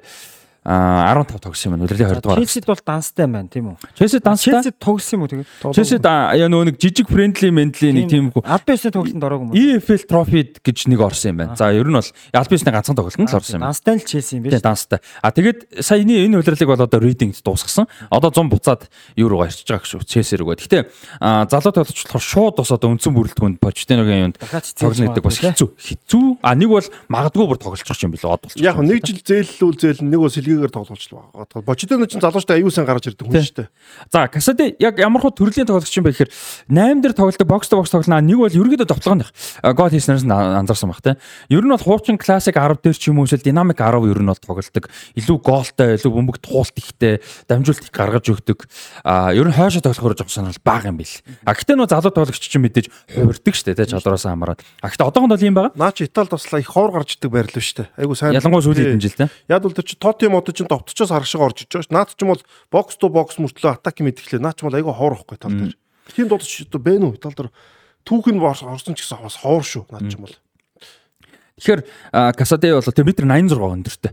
Бас ийм өндөр амар тоо битэцэл ба дээ. Тэгээ одоо яг яг зүгээр мань хүний одоо юу гэдэг сул тал гэх юм уу? Зүйл бол яг биеийн хүчний тоглолт жоохон муутай жоохон хитрхээ туранхаа өндөр. Ер нь юм харах юм бол нэг юм жоохон эвсэлгүй туранхаа өндөр нөхөр нарийнхаа өндөр нөхөр байгаа. Тэгээд яг тэрийг бол мэдээж насан туршид ирэхээр тэгээ бэлтгэл хийгээд асуудалгүй болчих болчих юм маст болоод эхлэн л дээ наач. Тийм болчих маст болоод за хүмүүс бол мань хүнийг тоглолтын хэв маягаас хамаарад амброзини сергей миликович савич энтертэй нэлээд харьцуулт юм байна. Нөгөө амброзини гэдэг нь болохоор нөгөө бокс то бокс тоглолт тийм дунд нь ингээд а тэгээс Миликович Савич бол өндөр гоолын оролцоо ихтэй гэдэг утгаар Савичтэй их төстэй байна те. Савичтэй ер нь Савич ч бас өндөр штэ те. А тэг хүмүүс бол яг хүмүүс гэнэ өөрөө үлгэр жишээ гэдэг штэ. Өөрийнх нь одоо үлгэр жишээ бол Брозович, Наинголан а юу Федерико Валверде, Хавьер Занетти гэсэн тоглогчдыг бол одоо өөрийнхөө Брозович төсөж магадгүй үлгэр жишээ гэж бол хардаг тийм. Брозович шиг агтаа арай жоох уршаа тоглолдог ч юм уу. Тэ нэг тиймэрхүү. Брозович Амбросины хоёр ч адилхан болчиход байгаа байхгүй юу? Тийм, тийм. Амбросины нэг урагшаа шалаад байдгийг ч юм дээ. Яг болгоны төлчлөлөд тэлтэр орж мөрөгдөг те. Амбросины бусдаар бол хэцүү те. За ийм юм байна. Шалхуу мөрөг заачаа. А бас мөрөгдөг байсан байсан. Мөрөгдөг байсан. Ялч өстө яг нэг мөрөгдөг байсан юм аа. Тактикийн л тоглож байсан. Тий, өстө тактикийн тоглож байсан. Өстө тактик юмсэн. За тэгээ одоо ингээд шилдэг тоглогч мэрэгэн буучаар навж байгаа Чезаро Касаде гэж мундаг тоглогч Челсид бүртгэлтэй байна. Өмнө Сесена Черви Антер гэх клубүүд академид бол тоглож исэн юм байна. Чезена. Чезена ах та. Чезена Сесена. Тэгээд Аа тэгээд за Италийн бүрэлдэхүүнд өөр одоо одоо энэ 23-нд 21 тоглогч байна. 21 тоглогчоос ганцхан одоо өөр улсын бүр Италиас өөр ус тоглож байгаа Касаде юм байна. Бус нь дандаа Италид тоглож байгаа. А тэгээ дээрэс нь энэ 21 тоглогчоос үндсэн шгшээ огта тоглосон ганцхан тоглогч байгаа юм байна. Симоне Пафунди гэж довтлогч 17 настай. Энд эднэр дундаа хүртэл хамгийн жоохон юм байна. Насан туршны шгшээ огта тоглож юм. Тийм, тоглолцсон. Эднэр дундаа шгш насан туршиндээ тоглосон ерөөсө ганцхан тоглогч байгаа нь Симоне Пафунди гэж довтлогч байгаа юм байна. Гаралтай үгүй Пафунди энэ төрхөр А за өстө мэдгүй маань тэр нь за тэрийн сайн мэдгүй. А Симоне Пафунди болохоор юу юм бэ? Удинезэд бүртгэлтэй маань Удинезэд а саяны энэ үйлрэлд бол одоо мэрэгжлийн карьераа эхлүүлсэн гэх юм да. А үндсэн бүр тоглож гисэн. За шгшээ багтаа бол 22 онд дуудагдаад нэг тоглоод бол амжицсан. А бүр 22 онд бүр 16 таа. Оо гаруу нач. Наац тэгвэл юу яасан дөө? А Роберто Манчини дуудсан юм байна. Итали нэг эрхээ аваагүй тэгэл нэг баахан гар дуудсан шүү дээ. За тэгээд тийм ээ яг бас довтолчгүй үе байдаг те. Довтолч байдаг. Яг нөгөө нэгдлийн аварга өмнө юм байна л да ирэхгүй тэр үед нөхсөг хийсэн тийм Албан Австрийн эсрэг тоглолтуудад юу яасан Албаны эсрэг сүүлийн хэдэн минутандад бол орж ирсэн. Италийн шогийн түүхэнд хамгийн одоо залуугаараа 3-т орж байгаа юм байна. А сүүлийн 100 жилийн амын залуу. Тэр 100-аас олон жилийн өмнө хоёр хүүхэд тоглож байсан. Тэр шоугаас бүгд их жоохон байсан. Жоохон хүүхдүүд л тоглодог байсан шүү дээ. Тийм байна. А тэгээ хүмүүс юу юм байна?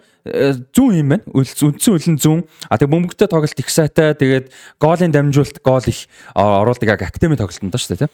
А ийм тоглогч тэгээд хинтээ их харьцуулагддаг. Гэнэ Антонио Динаталете Динезегийн домог. Динаталете бол их харьцуулдаг. Италич бол хамгаалт тагс хамгаалтыг довтлогч нэрээ дараа жил яг гайгүй довтлогч юу юм биш те. Жигүүрийн тоглолт. А тэгээд зарим нэг нь бол нөгөө нэг жижигхэн энэ солгоо Тэг жижигхэн тэг бөмбөгтэй тоглолт амар сайн болохоор нөгөө Месси гэж Месси Жовинко. Тэг Месси гэж бас хүмүүс яг ингэж нөгөө бас яг ярьдаг. Хитцэн Нонтог нөхрөд ш тэр мэрч Италийн шиг энд юу хүрт яваад байгаа ш тас.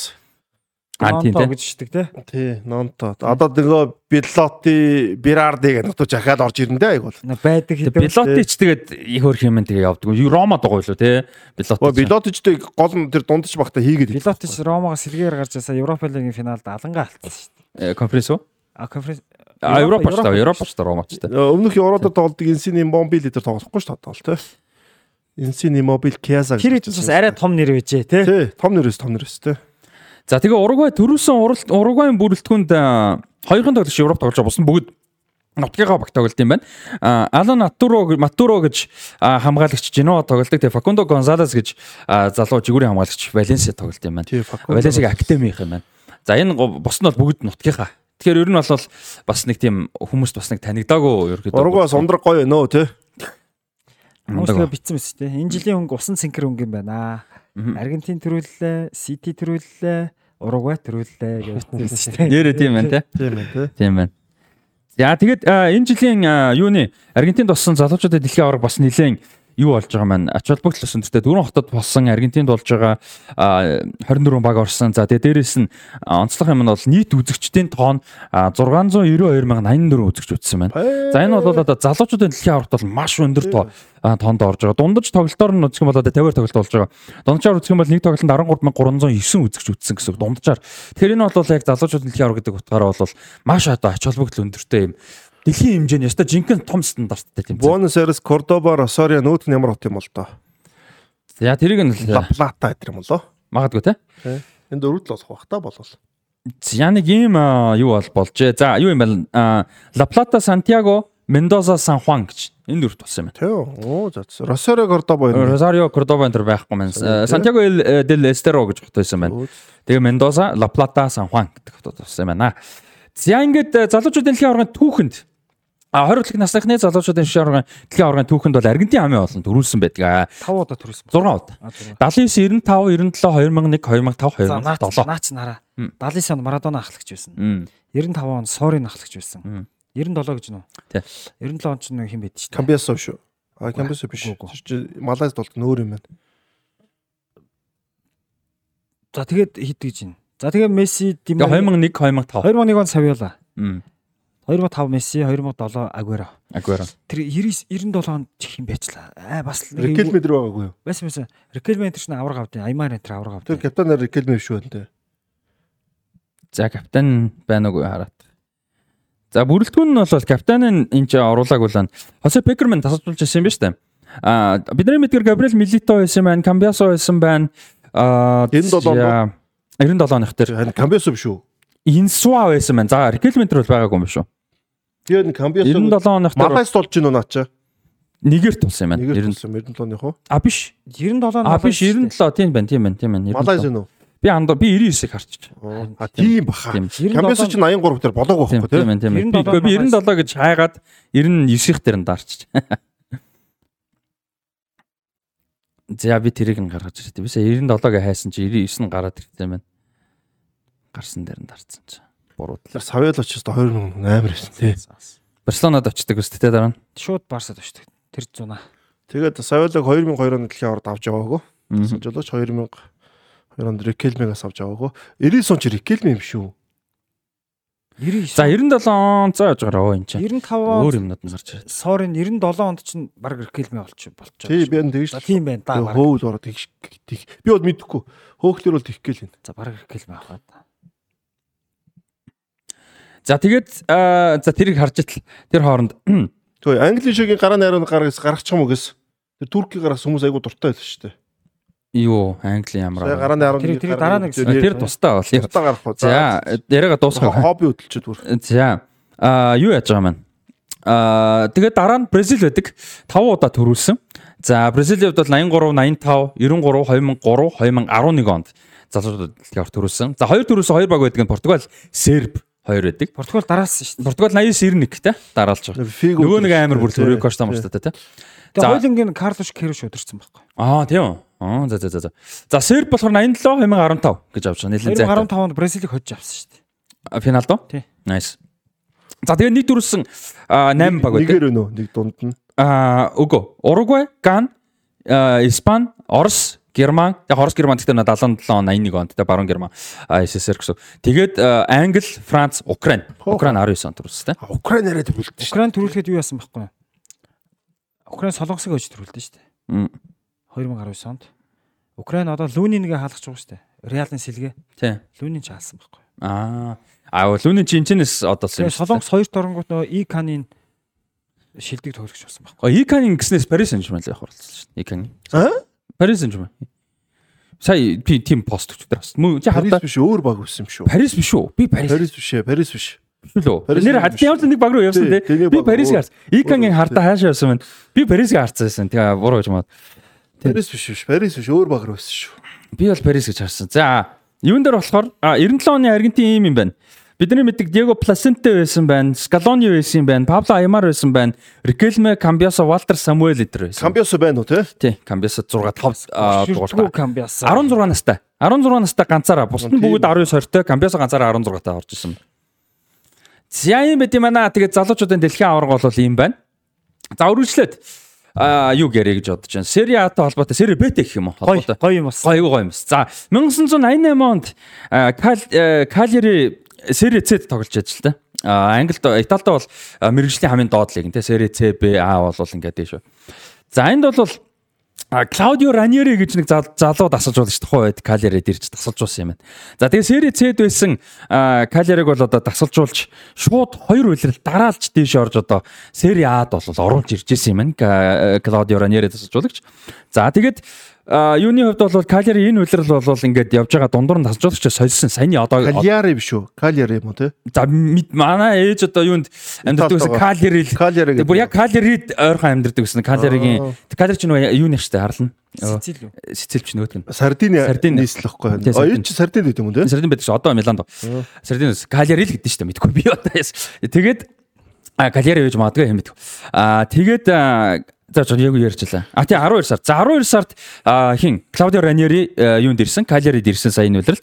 За тэгээд гол зорилго нь бол одоо Сери Ад буцаж авчрах байсан. За тэгээд энэ энэ жил бол одоо 71 настай Клаудио Раньери Калериг өдөртөж а Барыг шгшээ тоглолтод одоо юуны а плей-оффын шгшээ тоглолтод хожсноор буцаж одоо Гол нь бүр амар цүүлд орсон байл шүү дээ. Эрдэнэ 4 дахь минутын дээр а юу а 91 юм байна. 91 дахь минутын дээр одоо гоолыг оруулж хоцсноор одоо Сери Ад гарч ирж байгаа юм байна.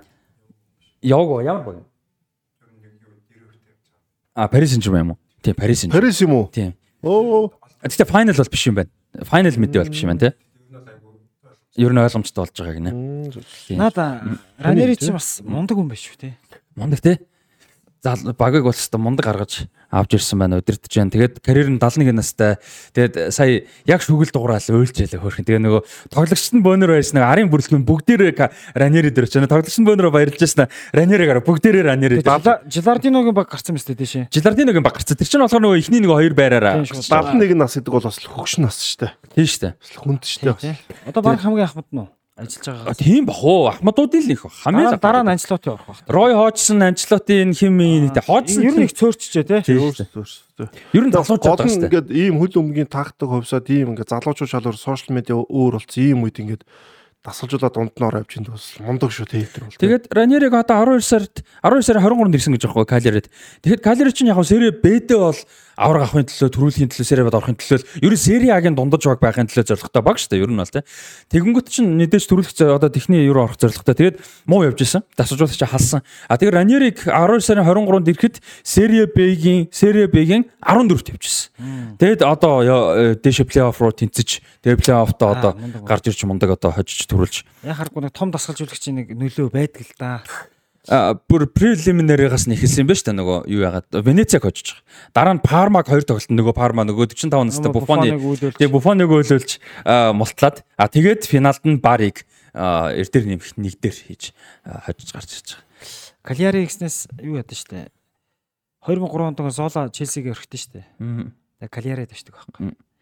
Тэгээд би яг Золаг бол Челсид нэг тоглож байгаа нь бас сайн мэдгүй яг. Үүсгэж байгаа юм биш шүү. Үнэхээр домог л баг. Гэхдээ бас яг үзчихсэн гэвэл бас их л цөөхөндөө. Мгм. Тэгээ Кальярид байх нь үзчихсэн байхгүй. Тэгснэ CCTV таваар тоглолт. Кали Золоч 10 дугаартай багийн халагч болсон. Кальяриг 2 үлрэл бол ер нь ялангуяа 2004-5 онд бол чирсэн шүү. Тэгэхээр Золаг үзэл Кальяри гэж багийн мэдээ Золаг ямар амар юм бэ л гэж бодсон. Калери нэг нэг хэсэг нэг 10 донд сериад нэг дундаж баг байсан шүү дээ. Ер нь сериад дундгүй а дээш нэг хаад. Тэгэхэд нэг их гоё байсан нөгөө Давид Суазо гэдэг Хондурас товтлогчтой. Хондурас биш үү? Үгүй Хондурас би Давид Суазог Хондурас чи Хондурас ганц домог тий байхгүй. тий хоёр суазаа тий тэр нэг нь Умберто Суазо. тий нэг нь чил нэг нь Умберто тий Давид Суазо ч товтлогч. Тий, нь Хондурас ганц домог байхгүй. 10 оны дэлхийн орд яад ордог үлдэр чи яадаг үлээ Магадгүй бараг тэгсэн бохоо. Тэгдэг баг шүү. Он Давид Суазоч их мундаг байсан. Тэгээ сүүлд Интер Ментер тогсон шүү дээ. Яг шалаагүй Интер те. Гэхдээ Калеридо мундаг баг. Тэгээ Калеридо домог. Тэгээд 2 3 үйлрэл бараг 10-аас илүү гол хийдэг баг шүү Сериад. Ер нь тухайн үед Сонсогдоод байдаг. Тийм да ер нь нөгөө мэрэгэн машин зогсолт явж идэг хурдан бөмбөгтэй тоглолттой их гоё товтлогч байсан. Тэгээ Калери тухайн үед бас дайжгүй байсан. Тэгээ Клаудио Раньери ингээ гаргаад ирж байгаа маань. За эхний хэсэг э, дуусах ерөөдөө төгчийн дахиад э, хоёр а, цө- одоо 8-ны мэдээлэл ярьчих гэж бодож байна л да. Өнгөрсөн 7 хоногт яг бид нарыг биччихсэн бичсэн оройн нөө маргааш нөө Лионел Месси шийдвэрээ гаргасан. За тэр үед бол а, юу Ал Иттихад баг бол бүр хамгийн сүүлчийн гэж шин шинжилсэн санал тавьсан. За тэр санал нь бол 3 жил 1.6 тэрбум еврогийн ийм санал бол тавьсан. Аа За тэгээд Барселона бол яг нөгөө нэг ярьсан байсан шүү дээ. Ингээ Альбиосоор одоо төлөвлөгөөгөө явуулсан лалиг зөвшөөрсөн ийм байсан. За тэгээд аа Месси бол одоо Интер Майамид очихор болсон. Интер Майамиг сонгосноо зарлсан. За Интер Майамигийн диилийн маш том давуу талууд нь юу вэ гэдэг бол за цалин бол мэдээж дайжгүй аа. Гэхдээ яаж ч утсан Сауди Араб шиг бол биш. Ойлго тэрийг одоо гүйцэтгэх цалин гэж хаана байгаа вэ? Тэгээд 1.6 тэрбумыг өгөө гэдэг хүмүүс байна тий. А тэгээд Интер Майамид очиод бол том давуу талууд нь юу гэхээр карьераа дууссаны дараа шинэ франчайзд хувь эзэмших ийм потенциал боломж гарч. Дэвид Бекхэм шиг гэрээ гэсэн үг тийм. Дэвид Бекхэм бол Лос Анжелес Galaxy-д очихдоо хамгийн том дийл нь тэр байсан. Цалин сайн авсан. А том цалингаас гадна э, шин одоо франчайз гэж яриад байдаг Америкт спортын баяр. А франчайз эзэмших одоо нэх ийм том боломж бол өөрт нь байсан. Тэгээд Интер Майамиг нээсэн. За одоо бол Мессид тийм адилхан боломж гарч байгаа. Энэ тест том тий. Маш том шууд одоо дараагийн карьерийнхаа дараагийн одоо амьдралаа бизнесээ яаж юм гэсэн үг шүү дээ. Аа тэгээд хүмүүс яг тэр нөгөө нэг ягаад Apple-аас Adidas-аас гээ гайхчих юм уу? За Adidas бол арай ойлгомжтой. Ягаад гэвэл мэдээж Adidas бол Мессигийн спонсороор карьер нэгснээс Тэгээд явж бас байгаа. Интер Майами юм байна шүү дээ. Тэгээ Интер Майамигийн өмсгөлийг бол угаасаа Adidas хийдэг спонсор юм байна шүү дээ. Аддас нөлөөсөн баг та 8-нд. Тийм 8-нд бол маш том 8-нд бас нөлөөлдөг шүү дээ. нөгөө хувцсны юунууд бүгд нөлөөлдөг шүү дээ Nike Mike-ын тий. Одоо Nike-ха баг руу аваач гад байдаг шүү дээ. Тэрнтэй адилхан нөлөөсөн. Аа тэгээд Apple-ийг хүмүүс жоохон гайхаад байж уу? Яагаад Apple-аас мөнгө авах гэдэг юм. За Apple бол юм байна. MLS буюу Major League Soccer season pass гэж юм бол байдаг. Apple TV Plus дээр. Apple TV Plus гэж өөрөө стриминг сервис байгаа. За Apple TV Plus бас iTunes дээр ордог баха тэр. нь. Тэгээд MLS-ийн одоо тэр season pass нь юу яд юм бэлээ? Хоёр янз байдаг. Нэг нь бол төлбөртэй, нэг нь үнэгүй гэж байд юм байна. Тэр нөгөө Америкийн MLS-ийн одоо юу яхахын тулд олон төрөхийн тулд тэр Apple TV Plus дээр MLS-ийн айгүй олон тоглолт үнэгүй гард юм байна. Ер нь. А тэгээд илүү олон тоглолт, илүү олон том багийн за нөгөө нэг хоёр конференцтэй шүү дээ. Тэгээд нөгөө плей-офф мов ч юм уу те том нь бол нөгөө season pass гэдгийг авдаг. А тэгээд тэр season pass гэдгийнх нь одоо хувьцаа хувь нь тэр стриминг одоо дэлхийд даяар хүмүүс хэрэгжилж байгаа төлбөрийнх нь хувь нь мессеж очих юм. За тэр бол одоо зарим хүмүүс бол энийг жоохон шүүмжилсэн. Тэ одоо бүхэл бүтэн улсын лигийн бүтэн стриминг нь одоо хувиа нэг хэд ойлголттой өгч байна. Ан ч бас арай Бас тэгс бот бас үнцэг байна. байж болно тий. Арай хитрхи өөрсдөө одоо ячуу. Доош Тий, өнгөлцлээ. А нэгдүгээр. А тэгтээ нөгөө талаас нь юу вэ гэхээр MLS нийлж агаад Интер Майамитай нийлж агаад Месси авчирч байгаа. Ер нь тийм Ер нь утгаар тийм л байна. Apple ч гэсэн Мессигийн докюментарийг хийх нөхцөл хийж байгаа юм байна. Apple TV Plus ч нөгөө стриминг дээр бас Netflix Амар докюментари ч одоо ямар том бэ гэдгээл харуулж Тийм. байна. Тэгээ одоо яг юу байгаа? Apple TV Plus-ын стриминг одоо цувралуудыг хэрэг үздэг бол тэгээ миний нөгөө хийдэг ажил юм байна. А хэрэг үздэг бол production үнэхээр гагалзуу байдаг Apple TV Plus-ын цувралууд. А яг нөгөө алдарттайгаар бол Disney ч юм уу Netflix-тэй тэрэнд хүрдэггүй. А гэхдээ production үнэхээр галзуу бол удаж байгаа. Сүүлийн 2 3 жил том цуврал болгоно нь мундаг а, байгаа. А тэгээ сүүлдээ шагнал магал аваад эхэлсэн ер нь мундаг явж.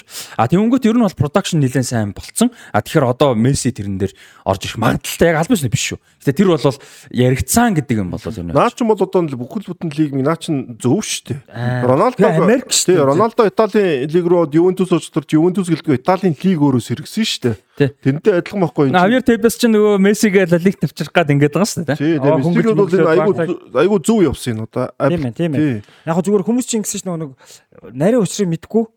Тэгэл Интер Майами руу явчлахаар пүү па Барсада ирсэнгүү те.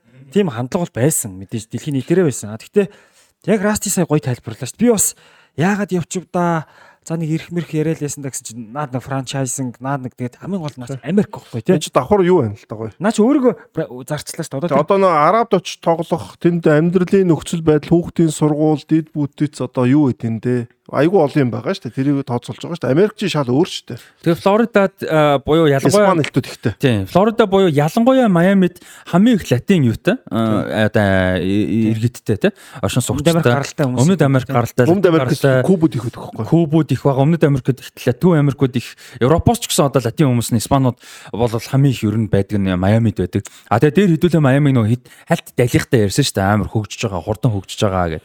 Тэгээ шинэ Манхаттан болж байгаа энэ төр ярьжсэн. Майами чин дээр нь юу байхгүй нөө Кубын арал харагддаг. Тэг Кубээс асар олон Майамигаас л харвана гэж ярьдаг байсан. Тий, асар олон асар олон хүмүүс Куб дэрчэндээ нөө Майамигаас нэг их орноо хараад хэнийг хараагаас уучдаг байхгүй. Фидел Кастрого. Тэгэд Майами ч угаасаа Испани колони байсан байхгүй юу? Мекс Мексик Испани хаа. Испани колони байсан учраас тэр Испани соёл Испани хэлтнүүд анхнаасаа байх нөхцөл нэггүй бас бүрдсэн юм байл л дээ. Тэгээд э, мань хүн BT спорттой л юутай байлаа нэг тийм том суугтай ярилцлага хийсэн байлаа. Яг юу басан талаараа яг яагаад юм шийдвэр төр. За мань бол хэлжээ. Сауди Арабиас бол санал ирсэн. Аа Барселонагаас тэр тэгтээ Лапортагийн нөгөө яг PR хийдэг нь харагдаж байгаа юм. Албан ёсоос л ирээгүй юм билээ шүү дээ. Ерөөсөө яг одоо бичиг цаасаар тамгатай бичгтэй гарын үсгтэй юм юу ч ирээгүй юм байл. А тэгээд яг тэр нөгөө нэг лалигт бичиг мичиг өгсөн үнэн. А тэгээд өөрөө бол тэрийг э, Барселона руу явах хамгийн хүсэл байсан те. Мөрөөдөл нь тэр байсан. Буцаад Барселонад очмоо байсан. Хүүхдүүд нь Барселонд сургуульдаа явуулмаар байсан те. А тэгээд ихнэр нь ч гэсэн тэнцээ бизнестэй өөрөө тэнцээ бизнестэй ер нь л амьдрал нь л шүү дээ тэнд шүү дээ. А тэгээд тийм өрслөөсөн ч гэсэн яваагүй хоёр шалтгаан байгаа гэж. За нэг нь бол би клубыг клубын тоглогчид те тоглогчид squad building буюу одоо бүрэлдэхүүн тогтооход нөлөөлөх хэмжээний баймааргүй байна. Ягаад гэвэл одоо энэ төлөөний санаа маш олон тоглогч цалингаа асуулах, олон тоглогч явуулах те а, одоо ийм тэгжээж мессеж авчих юм байна. Тэрэнд бол би одоо залуу тоглогч те янз бүрийн бол надаас болж ийм юм бол хийхэд би хүсэхгүй байна гэсэн. А нөгөөдг нь 21 онд явхад бол маш хэцүү тухгүй ийм гинтим одоо маш муухай те ер нь бол нөхцөл байдал үүссэн. Энэ бол зөвхөн надаа гэлтгүй миний ихнэр миний гэр бүлд бол маш хүнд ийм нөхцөл байдал үүсгэсэн. А гинтийн тооцоолоогүй те ийм таарах нөхцөл байдал би ийм нөхцөл байдал Хүүхдүүд нь ойлоод явахгүй махгүй гэсэн шүү дээ. Тэгээ шүү дээ. Амьдрал нь хэмждэг ч одоо тэгээд яг том мөнгөтэй хүмүүсийн зовлон гэтэл тэр чинь тэгэл хүмүүс шүү дээ тий. Тэнгүүт тийм нөхцөлд бол дахиж гэр бүлээ оруулахыг хүсээгүй. Би бол одоо үздэгөө үзээ хийдгээ хийцэн хүн би бол амгалан тайван байхыг хүссэн. Тэгээ гэр хамгийн гол нь миний нэгт бол гэр бүл гэр бүлийнхээ амгалан тайван хүссэн гэж бол ярьсан байл. Ер нь Роналдо ч гэсэн зүйлд гэж бас нэг ярьсан шүү дээ. Тэгээд мань хүн бол гэр бүлийнхээ амгалан тайван хүссэн. А тэгээд мэдээж бизнесийн боломжууд илүү их байсан гэдэг утгаар Интер Майамиг сонгосон гэж ярьсан байл. Тэгээ 2013 онд юм уу да 12 3 оны үед юу яасан юм бэ? Paris Saint-Germain тэр нөгөө Paris Saint-Germain Beckham Inter байсан юм уу да. Тэгээ тэр үед л э, нэг тийм яриа байсан. Тэрийг манай үдшээ сонсч хүмүүс илүү сайн мэдчихвэл бутаа тасаар Месситэй нэг тоглолчаал тэгсэн юм байна. Чи ирээдүйд э, миний яах баг магтцтэй ирээрээ мэрээрээ гэж тоглоомор л гэж ярьж. Тэр хоёрын нэг юм тоглолчоо тэрвэрлэж мэрэлж байгаа зураг мөр гэсэн. Тэгээ нэг тийм ярьжсэн тэр тэрийгэ биелүүллээ 10 жилийн дараа тэргээ бас нэг тийм юм бол яригдчихсэн. Тэр үед хоорондоо тогсоогүй сайн санахгүй гэхдээ зураг бол гэсэн. За Месси очсоос болж тэгээд Ма- Интер Майамигийн билетнүүд хасар өндөр үнэтэй болсон билээ. Тэгээд тэр Instagram дээр ерөөсөө NBA-гийн бусад бусад лигийн бүх багаас илүү болсон л шүү дээ. Интер Майамигийн одоо Lakers юу юу байла? Golden State, Cleveland. Cavaliers, Chicago. А тийм Bulls. Тэгээд Энэ энэ энэ дөрөв л байхгүй юу? Яг бол LeBron Jordan хэн байхгүй нөө хэм мэлээ. Stephen Curry-гийн багуудаас л илүү дутуу байгаа. Бусдаас нь бүгдээс нь бид нар Dallas Stars дээр ч амар юм болооч утсан. Dallas Cowboys дээр ч тийм биш юм биш. Би Бага юм л шүү. Заягийн тэр постыг би үзсэн л дээ. Хамгийн дээдл нь Lex 30 сая дагагчтай байсан уу? Ва харин хөө хингэлээ байхгүй. Гэхдээ сагс чинь бага байхгүй юм юу? Үгүй яг нөлөө ихтэй мөртлөө дэлхийн спортод биш Биш байхгүй. байхгүй тий. Тийм дэлхийн спорт гэдэг чинь шалгуур. дэлхийд яг тэгэл дэлхийн номер 1 л Тийм дэлхийн спорт. Гэхдээ хятад энэ төчүүд нэг бүг бүг гэдэл тэгэл явчих. Дэлхийн амын их нь хаацдаг шүү дээ. Бүгд үндэсний спорт нь хөлөн бүгэн шүү дээ. Тэгэхээр хүлэмжийг харахгүй номер 1 юм л да. Одоо Америк хөлбөмбөдөр би бодохгүй. За Америк хөлбөмбөг Америкт амар үздэм чинь энэ Dallas Cowboys угаас дэлхийн хамгийн үнэтэй баг энэ хэвээр амар байгаа хэрэг орч айгу баг юм билээ Dallas Cowboys. Тэгээд би Dallas Stars-ыг үзэхгүй одоо юу нэ хоккейны. За Dallas Stars ч юм сайн баг. Яг өөр зөндөө лаг багууд байгаа л. Ягаад ч нэг Dallas-аар дангадсан бохгүй. Мм. Тэгээд дараа нь бодохгүй тэгээд өөр том хотуудын Нью-Йоркийн багуудыг LA-гийн Чикаго, Хьюстны дөрөв хамгийн том дөрөв хот байгаа шүү дээ. Эдний багуудыг үзсэн чи бас л. Тэр Интер Майами бол амар нөлөөлсөн билээ Гэхдээ тэр бол. гэхдээ юу штэ Instagram штэ Facebook биш штэ тий. Instagram. Instagram, Тэгээ Instagram. Instagram-аар хэмждэг юм билээ шүү. А тийм ээ тий. Instagram-ыг чи одоо нэг хүмүүс чи яг гол юу бариад байгаа байхгүй тий. Facebook ч нэр мод шүү дээ. Яг Instagram-ыг авчихсан. Монголд том болохоос дэлхийд бол Instagram амар дээ. Иргэлэн бол. За тэгээ Интер Майами баг яг одоогор бол а, энэ DRVPNK гэдэг цэнгэлтэд тоглолт юм байна. Ямар хэцүү. Шүү дээ. Тэгээ тийм цэнгэлт нь 18 гооны судалтай. Манай Эрцэнка гэдэг ч урт юм шүү дээ. Тэгээ 18 гооны судалтай. Төр төр цэнгэлтийн юм байлаа. Шин цэнгэлт юм яа барьж байгаа ч хэлүүдээ тиймэрхүү. Тэгээ төр цэнгэлтийн юм байлаа. Аа тэгээд энэ цэнгэлтийн нь болохоор ерөөсөө айгүй юм юу муутай гинэ. Аа дид бүтцийн муутай тийм мундаг цэнгэлт биш юм байна л да. Эргэн тойрондоо жоохон зэлүүддүү хоосон тэгээ хамгаалт security тийм сүртэй мундаг биш. Гаднаас хүм зүгээр шууд яваа орчих боломжтой тийм байдаг гинэ. Ийм нээлттэй задгаал цэнгэлт юм байна л да. Ерөн сул. Тэгээд тэгсэн чинь тэр нөгөө Интер Майамигийн багийн ахлагч нэг хамгаалагч байд юм байна. Мань үнээс тэгээ Мерседес очиж байгаа болоо талаар ингээ асуусан чинь манай баг Месси шиг тоглогч ингээ тоглоход бэлэн биш байгаа шүү дээ гэж ярьсан. Одоо Америкуудаа хөрөнгө оруулалтын дор нь хийнэ л дээ. А, Би бас нэг мессеж гэсэн нэг юм юу яагаад таа. Интер Майамигийн одоо гарааны 11 гэж байгаа байхгүй. Одоо rumor те. Гэтэ ерөөдөө магадлал нэлийн зарим нь гайг болц. За Месси дунд нь Суарес товтлогч орно. За Мартинесгээ товтлогч байна. За Интер Майами юм шиг байна. За Ди Мария Бускетс хоёр очоод Мартинес гэж товтлогч бол байхгүй. тэгвэл энийг авах юм байна л. да. Авах Тэгвэл Жорди Алба Тэгээ нөө Деандра Едлний зүйл шүү дээ. Бидний мэдгээс ийм давирч тийм явж гин дунд. Диандре Едлин угаасаа тоглолдог. Тий. Угаасаа бүрэлдэхүүн. Эдгээр явж гин. За Суурас бол бас очиод очиж гэдэг байгаа шүү дээ. Суарес сая гэрээгээ юу Атлетико Минеро тоглож байгаа шүү Минеро та. Мгм. Аа гэрээгээ сухахгүй. Кремио биш үү? Кремио ч лөө. А Кремио хаа. Тийм. Мань хүн гэрээгээ сухахгүй гэсэн юм бэл. Тэгээ ер нь бол одоо өөр баг руу явах. Үгүй үгүй Интер Майер энэ хоёр Мессигийн хамгийн сайн найз шүү дээ Суурас ч одоо. Нааса хаалбан хоёроо дутж байгаа. Тий, зэрэг. Тэр чи багта дрог болоо болоог байгаа шүү дээ. Аа за ингээ Интер Майами нэлээд анхаарал. Тэгээ тоглох юм бол Месси чинь жаргана шүү дээ. Хамаг найзууд нь хамаг ойлголцдог хэдэн байна Месси те. чинь одоо ийм хүмүүс нэг Месси агуул гэдэг агуул та. Гэхдээ Месси огт танихгүй 10 хүнтэй тоглол хэцүү байхгүй юу? Бас яг гоо өөрөө ур чадвараар хийн. Гэхдээ Мессиг нөгөө хэд нь тоглоулдаг байхгүй юу те? За тэгээд Интер Майами энэ үйлрэл болол зүүн одоо зүүн конференцтэй мэдээж орж байгаа тийм. За зүүн конференцтэй болол одоо хамгийн доор явж байгаа. 15 багийн 15-д явж байгаа. А 2 онооны доор да дээр нь явж байгаа баг 2 онооны дээр явж. Тэгээ энэ жил бол одоо гол зорилго нь конференц нөгөө плей-оффд орох. Ямар ч байсан тэгэл юу байх юм шиг нэг 13 дөрвөлгөө орсон ч гэсэн амжилттай юм байна шүү дээ. Конференцтэй одоо плей-оффд орж чадахгүй юу гэдэг юм том асуудал мэдээж байгаа. Тэгээ одоо нөгөө нэг нэг инээдтэй юу байсан шүү дээ Reddit дээр асуулт байсан. За Интер Майамигийн subreddit аахгүй. Тэрэндээ гэсэн чинь ингээд Интер Майамигийн шилдэг шинэ фэн байна. Бид нар одоо юу юм бэ? Хаана тоглолт юм бэ? Бид нар юу гэж дуудуулах юм бэ? Бид нар үзэн яддаг баг юу юм бэ? гэдэг гэсэн. Манай домогч юм бэлээ. Тэр шинэ фэн байна гэсэн. Оо тэгээд наа чи юу гэсэн байлаа. Наад багийн чи мэрэгэн мөчн Игвайн 10 итэг голтой өглөө юу гэлээ. За хариу. Үгүй эгүй бүх цагийн 50 жил бас нэг За харин 10 дээр биш. Үгүй эгүй ямар ч за 10 Зүгээр нэг үлрэлийн баха зүгээр үлрэлийн. бүх цагийн юм байсан шинэ багш штэ. Үгүй яг тийм л гэхдээ арай 10 биш. Үгүй эгүй ямар ч баг бас консол Игванээс. Тийм ээ, ер нь бол багад баг Хитэн гол ичүүл бүх цагийн метр маягийн мэрэгэн мөч болох. Айгу баг гол Тийм ээ. Багийн үед бол угаасаа баг баг шинэ баг юм чи. Би дахиад нэг гоо статистик Месситэй холбоотой энэ удирдлагын суперга хаалантай ч холбоотой байна заяа. 11 мэдэн торгуудын цогцолтыг оруулахгүйгээр заяа. Хамгийн олон гол оруулсан удирдал 90 оноос хойш гэж байгаа байхгүй. Хааланд энэ жил 44 голыг оруулсан байна. Торгуудын цогцолтыг хасах юм бол энүүгээр хааланд хэдэж бичиж гин тэлэр 11-р нь бичиж гин. Урд нь ердөө дөрөв дуулагч байна. Роналдо, Левандовски, Суарес, Месси 11 оруулаагүй. Одоо гол те. Тэгсэн чинь 50-аас дээш голтой ердөө дөрвөн тохиолдлогын 3 мессиг их байна. 59-тэй, 55-та 52-тэй. Нэг нь 55-та 15-аас 16 оны нөө Барселонагийн Суарес байгаа байхгүй. Левандовски, Роналдо хоёр болохоор 50 хүрж байгаа юм. Левандовски нэг удаа 48, Роналдо хоёр удаа 48, нэг 46. А тоног бол Тий. шүү дээ. Месси нэг 48, нэг 46 гэхэлэр энэ Месси гэдэг болж ямар агуу гэж шууд насаарч байгаа. Торолын зохиолыг хасчих хасчих шин дэр. Чи Роналдогийн бэнд онцсон. Месси ч угаас торолын зохиол муу захталтай гэж нэрвэжсэн бас. Гэхдээ одоо тэр шиг ингээд хэдэн мянган тоглолтонд оролцсон хэдэн мянган цааш мянган тоглолтонд оролцоод 7 800 гол хийсэн хоёр хүн зөндөө пенальт зохион ойлгомжтой. Зөндөө алдах нь Зөндөө алдах нь ойлгомжтой. байхгүй. Тэгэхээр энэ дунд дээр Суарес амар байгаа засан. Суарес тэр нөгөө 15 6 оны Суарес үлээ те 14 5 5 6 юу. 15-аас 6. Тэ 5 6. Тэр Суарес ч бүр тасгаа нөгөө пенальт зогтгоо мөртлөө бүр бөмбөгддөг. Сүүлдээ бол цогсон л тоо. Тийм. Тэгээ тэр чин ассист бас хийдэг өгдөг л амар ассист өгдөг. Сүүлдээ нөгөө Месси чинь Суарес Суарес нэг Роналдотой үзээд гисэн юм аа. Европын алтан шагаа авах гад сүүлдээ бол Суарес өгөөд гисэн. Суараас бол Мессигийн одоо хамгийн сайн найз нь шүү дээ. Одоо яг одоо байгаагаас бол. тий. Урд нь яг хаа Забалета ч юм айгуур өдр байсан тэгээд тэр чинь Айгуураа сайн найз шүү дээ. салаа замын ихээр салтсан шүү дээ. Суараас ч юм бол ерөөхдөө эхнэрүүд нь айгуу сайн найз. Одоо тэгээд Хамт бизнестэй баг шүү их нэр. Дэлгүүр Тэгээс хотелгүүртэй тий. Баштанд. Месси юу явах вэ? Агурагийн зодгийг өмсгөл хүйтэй.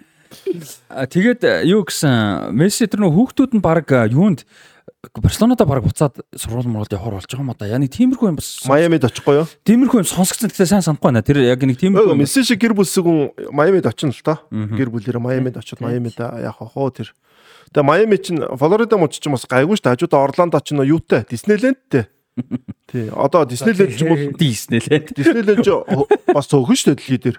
Америк Сан Диего Орландо өөр хаана гэдэг мэдэхгүй. Америк, Япон, Франц тэгээ сүүлийн зүүн газар Хонконг нэгдсэн. Хонконгт байгаа тий. Тэгээд тэр чин Тампа гэдэг өөрхөн байгаа. бас. Юу? Tampa Bay Lightning гэж одоо энэ жилийн алдартай багтай. Сүүлд нэг нэлийн дээгүүр явцсан шүү Тампа ч энэ. Нэг финал руу яа. хомоос хамгадаг л байсан яг бол. Тэгээ Майами ч үзэж харах юм ихтэй тэр чинь бас. За тэгээд нэг жижигхэн цэнгэлтэд л одоо Месси тоглох нь дээ. Тэр нөгөө багийн ахлагч нь ярьсан. тэрний ч одоо security юу мөг нь гоё тэгээд орлон морлон нэмэгдэж байгаа юм чи шал өөр болохгүй тий. Яд чи Instagram-аас мөнгө авна чи YouTube, Facebook-ээс мөнгө авна. Тэгээд э, MLS-д энэ бол маш том өөрчлөлт болж байгаа. За өмнө нь MLS-д бол олон мондог хүмүүс ирж исэн ч гэсэн одоо яг үнэхээр MLS руу шууд анхаарлыг татаж одоо юу гэдэг үзэгчийн тоогоор нөлөөгөөр бүр маш том нөлөөжсөн нэг л хүн бол Пеле. Пеле. Аа тэгээд Бекхэм орч. Тэгээ Бекхэм орч үед Бекхэм тэгээ одоо Бид чинь космос, Нью-Йорк космос. Яг үндэ Пилич татсан нөлөө. За яг тэр үед л татсан. Гэхдээ тэр үедээ бүр амар юм бэл. Тэр чинь тэр үедээ бүр үздэг тоон хідэн зуун би бүтэн нийтлэл уншсан юм байна. Тэр тэр тэгэл ингэ унтсан бовцаа тий. олон жил тэгэж явчаад нөгөө хөгжүүлэх юм байгаагүй учраас буцаа унсан. Тэр үчин пилиг аргагүй байх тэр чин домог шиг өсөн штэ. Тэр үеийн хүлэм юу нөө домог цуураагаар явдаг байсан пилээ ихлээр хүмүүс чин домог шиг юм чи тэр нэг зүгээр нэг тий харъя гэж бодож байгаа штэ. Одоо Месси ингэ зөө зөвхөн Интер Майами ш Месси Интер Майамигийн тоглох бүх багийн цангалдаг битүү дөрөн зөө. Наа чи MLS үзүүлж байгаа асар том хөрөнгөөр бол тоглоно наа чи. Одоо манай Сиэтлста Мессигийн тоглолт ирэх юм бол Майамитай хойно гарахад бол пилээд нь хамгийн дөрөнд ойрхосуудаас аавна гэж байгаа байхгүй юу? Тийм шүү дээ. Бочо боломжгүй тий. Тэгэхээр эн чинь бол айгуу дараа жилийн Копа Америк яаж яхад юунд болно? Америкт Америкт болно, тий. Тэгээд дэлхийн аварга Америкт болно. Тий, дэлхийн орд манай Америк. Америкч ер нь тэгээд 26-аас хойш хүлэмж асар том юутай үлдэх юм байна. би өмнөх дугаар дээр хэлсэн мэт те. Нэг Америкийн хөлөмгийн юуны талаа нөө боркод болцсон гэдэг. Тий, Тий. хэлсэн. Тий. Тэр бол Америк угаасаа энэ цалингийн лимиттэй хотоож байгаа лимитгүй бол угаасаа том багууд нугаас ална гэж. Яа, Бүх хотуудыг Сауди Араб банав шиг авчрах боломж байгаа юм билээ шүү дээ. Арга аргагүй шүү дээ. Хилээ мэлээч амар мөнгөтэй газар шүү дээ. Нью-Йорк гэдэг чинь. Тэгэхээр гол нь эдгээр нөө лимит хотоож бүх багуудаа ингээд жигд өсөхийн тулд ингээд удаан хугацааны төлгөөд яаж байгаа гэдэг. Америкийн тэр нь бодлоос асахлан зэв үнэтэй бас тий. Зараас тэг өөр нэг трансфер юм байсан. За тэр нь 103 саяар Jude Bellingham Real Madrid Дөнгөж зөө явчих тий. А, албан ёс яг яг ер нь тодорхойлсон байсан. Гэхдээ өнөөдөр бүр ингээд одоо official official болж зарласан 103 сая а бонус нь 31 хүртэлх саяд нэмэгдэж нэмэгдэх боломжтой. За тэр бол тэгээд нөгөө баландор маландор Champions League дөрүлгөөгүй гээд. Яа За тэгээ тэгээ 29 оны 100 хүртэл буюу 6 сарын жилийн 6 гэрээ. тий. За энэ дээр хахад нэг статистик хэлчих. А дэлхийн хамгийн түгээнтэг үнэтэй одоо трансферын одоо эхний хэдэд байгаа. За одоо бодох 1 5 13-д орж байна уу да. За нэгт Неймар 222 еврогоор тий. Эмбапе 180, Коутиньо 135, Дембеле 135, Феликс 127, Энцо Фернандес 121, Гризман 120, Грилиш 118, Роналдо, Криштиано Роналдо 117, Эден Азар 115, Ромело Лукаку 113, Пол Погба 105, Жуд Беллиам 103, Дарден Гард Бел 101 гэдэг энэ ихний нь 14 мөн 15 байна. Ямар ч зэвч ийшээ орж иж байгаа юм шиг манай хүн бол. Хамгийн үнэтэй англи үү? Тий. э, Хиний Grealish рекордыг Bellingham эвдэж байгаа. Эвдэж байгаа юм. Энэ дээр болохоор эвдээгүйгээр гарч иж байгаа юм. Гэрүүлж 118 гэж Наа гарч. чи паундаар юу гараа? Энэ еврогоор гарч иж байна. Тийм үү? Яг тийм үнэтэй байлгүй биш илүү илүү тий. Энэ яг бонус моносонд оруулах юм тийм байж юм. Бонусыг нь оруулах юм бол жоохон өөр болж магадгүй тий. тий. Тэгж гарч иж шүү. Аа. Англи хэлээр. За. Оо за харч. Тийм ээ, Grealish чинь 117 сая евро юм ба шүү дээ. Тэгэхээр э, хамгийн үнэтэй англи биш юм байна. Биш юм байна, биш юм байна. А хиних Bellingham-ийн чинь э, юу ячиж байгаа юм ба шүү дээ. Яг э, 103 саяг тооцоогоор Maguire-ийн л дээр л орж байгаа юм байна л да. Ма англидаа бол 3-т Maguire тэгээ Sancho дараа нь. 87 Maguire, а Sancho 85. Тийм. За тэгээ Jude Bellingham-ыг бол одоо 6 жилийн гэрээтэй авсан 29 он хүртэл 29. А тэр хүртэл хүртэл аватар дуусах байх нь. Тэгээд а А 6 жилийн гэрээтэй авч байгаа. За одоо Федерико Валверде байж, Чуамени байна, Камавинга байна. Тэгээд ер нь төвийн хагас бол одоо ингээ бараг 10 жил юу ячуу, тодорхой болчуу гэж болол яригдчихэв. За ер нь эх жилээр яал 3 тэмцээнд хэр өсөлтгүй. За тэгээд одоо угаасаа нэг том товтлогч аавна. Одоо тэр Эмбапе юу Кэн гэдэг асуудал ярьж байна. Угаасаа томыг аавна. Тэгэхээр Реал угаасаа бүр гоё болж ирэх байхгүй. Эмбапе, Кен, Лавтаро Мартинес за магадгүй ус юм байна. Тэ? Яг одоо юу гэдэг боломжтой байгаа. Одоо Чансагааны хүмүүс нэгт Эмбапе, хоёрт Кен, гуравт хин Лавтаро Осимхен тэгээ тэгээ Осимхен орох бах та. Тэгээд Лавтаро л хийж байгаа бах та. Тэ? Тэр Реал аавна гэсэн бол авдаг л баг л та. Тэ? За Реал Мадридд энэ жил зүүн зүрийн хамгаалагч, баруун зүрийн хамгаалагч хоёр бас ер нь хэрэг болох бах. За Васкес бол бас яг нэг тийм том хэмжээний шаардлага бас яг байн хангахгүй байгаа. Карвахал 32, 31 2 үрж байгаа энэ жил. За хин Ферлан Менди сайн үдээ сайн байгаа ч гэсэн гимтлэгтэй байгаа. Франк Гарсияг би ярьжсэн те нөгөө Райо Ваяканогийн зүүн зүрийн хамгаалагч авчирсан. Гэхдээ мань хүн яг Реалын гараанд байнга хэмжээнд хүрхүү яг залуу да 21 2-тэй. Гэхдээ хүрхүү үгүй сайн мэдгүй. Аа тэгээд товтлогч. Аа гэхдээ бас нэг юм байгаа юм бэл. Товтлогч бол мэдээж том товтлогч аавна. А гэхдээ сэлгэний товтлогч хань авах. А тийм бол угаасаа яригдаж байгаа. Тэгээ одоо Vinicius Rodrigo хоёроос өөр довтлооны хүн байхгүй. За тэр хоёрын сэлгээ бас нэг хүн аав. Тэр нь одоо Brahim Diaz нэг сая батлаацсан. Brahim Diaz-ыг буцаага хаваад ирсэн. Тэгэхээр Brahim Diaz нь тэр хоёрын оронд тоглоно. А Hume Ag нь өөрчгсөн хоёр талд бол тоглолдог. А тэгэнгүүт довтлогч, том довтлогч, а тэгээд юу? Сэлгэний довтлогч. За сэлгэний довтлогч тэр сая энэ жил тэр Segunda Division-д нэг мэрэгэн бочийн 1-2-т орсон нэг спан довтлогч нэг байгаа юм байсан баха. Тэрийг яригадаад л байгаа юм шиг бэлээ. Ярин сэлгээ гэдэг. Темп нь байдгүй юм ч одоо яалаа. Тэр хин арай залуудаад байгаа. Альваро Родригес гэж залуу байгаа шүү дээ 17 намтай. Сайн Атлетико дээр гол хийдэг. Тэр гоё юм билээ. Гэхдээ Эндрик ч орж ирж байгаа шүү дээ. Эндрик ч болоогүй 25 мав 18 хүрж шүү дээ. 18 хүрч ээж. Тэгэхээр 2 жил юм байна. Тэгээ болоогүй 16 таас. Тэгэхээр тэр Альваро Родригес ч арай болоогүй байхгүй. Дүнгийн 17 нам тус арай залуудаад тий явна. Родриго Венес орчин залуудаад байгаа. Тэр залуулах байх хөө. Тийм шүү дээ. Яа тэр хоёр яг гараал та баттай. Тэгээ Альваро Родригес тэр хоёр хажууд туршлагатай хүн байхгүй бол Бензема шиг тиймэрхүү Кен шиг мэн шиг хүн байхгүй бол бас хэцүү шүү тэр бол явахгүй шүү. Тэгэхээр яг ер нь Кен хамгийн зүгээр болох гэдэг нь те. Яг за яг Эмбап тэгээ Эмбапе дээр нэг юм байл да яг тэр нөгөө мөнгө зүүн янз бүрийн манасаа зүгээр дан тактик талбай дээр хин ярихад Эмбапе ч нөгөө зүүнээс тоглох дуртай шүү дээ. Тэр нөгөө Paris Saint-Germain нэг хэсэг Неймарыг зүүн дээр тавиад мань үний гол бүр нилээ юм болсон шүү дээ. Бухимдаа мар маргалдаа заргалдаад өөрөө нөгөө 9 номертой тоглох бүр маш дургу гэдэг. Бөмбөг ирэхгүй юм чаар шүү дээ. Тэгээ бөмбөгтэй тоглох зүүнээс орж ирж ингэж тоглох. Тэнгүүт Vinicius яг тэр байрал дээр. Тэгээ ирэхээр чинь 9 дээр тоглолчих юм шүү. Мбаппе. Годан тийхээс ор аргагүй болохгүй л байна. Тэгээ Мбаппе өөрөө л тэрийг харж байгаа байлгүй те. Тэгээ өөрөө л одоо 9 дээр тоглоё гэж шийднэ гэсэн чинь. Нэг бол баруун дээр ч юм. Венеслийн байрыг бол солино гэж байхгүй шүү дээ. Тийм шүү дээ. Яг одоо үнцэн хот нь л болчихсон шүү дээ. Баруун дээр бол Мбаппе ч тоглолцох л ахалт асуудалгүй шүү дээ. Өөрөө үнцэн байрал юм чагаа. Тэгээ баруун дээр л тоглоно. Гэтэ тэгэхээр Родриго байраг болчих те. Бас хэцүү. Яг Родригогоо суулгаж болно шүү дээ. Өөр хэдөө Родриго Родриго 9 номер хэлсэн ч болно шүү дээ. Родригогоо суулгаж болно 9 хэлж болно шүү дээ. хэлсэн ч болно шүү. Родриго л угаасаа өөрөө тийг тоглолт шүү дээ. Олон байрал тоглолт. Венесийн байран дээр ч нэлээд орж ирж л байгаа юм шүү дээ. Тий, тэгж болно. Кен бол амар төг сонголч юм бол.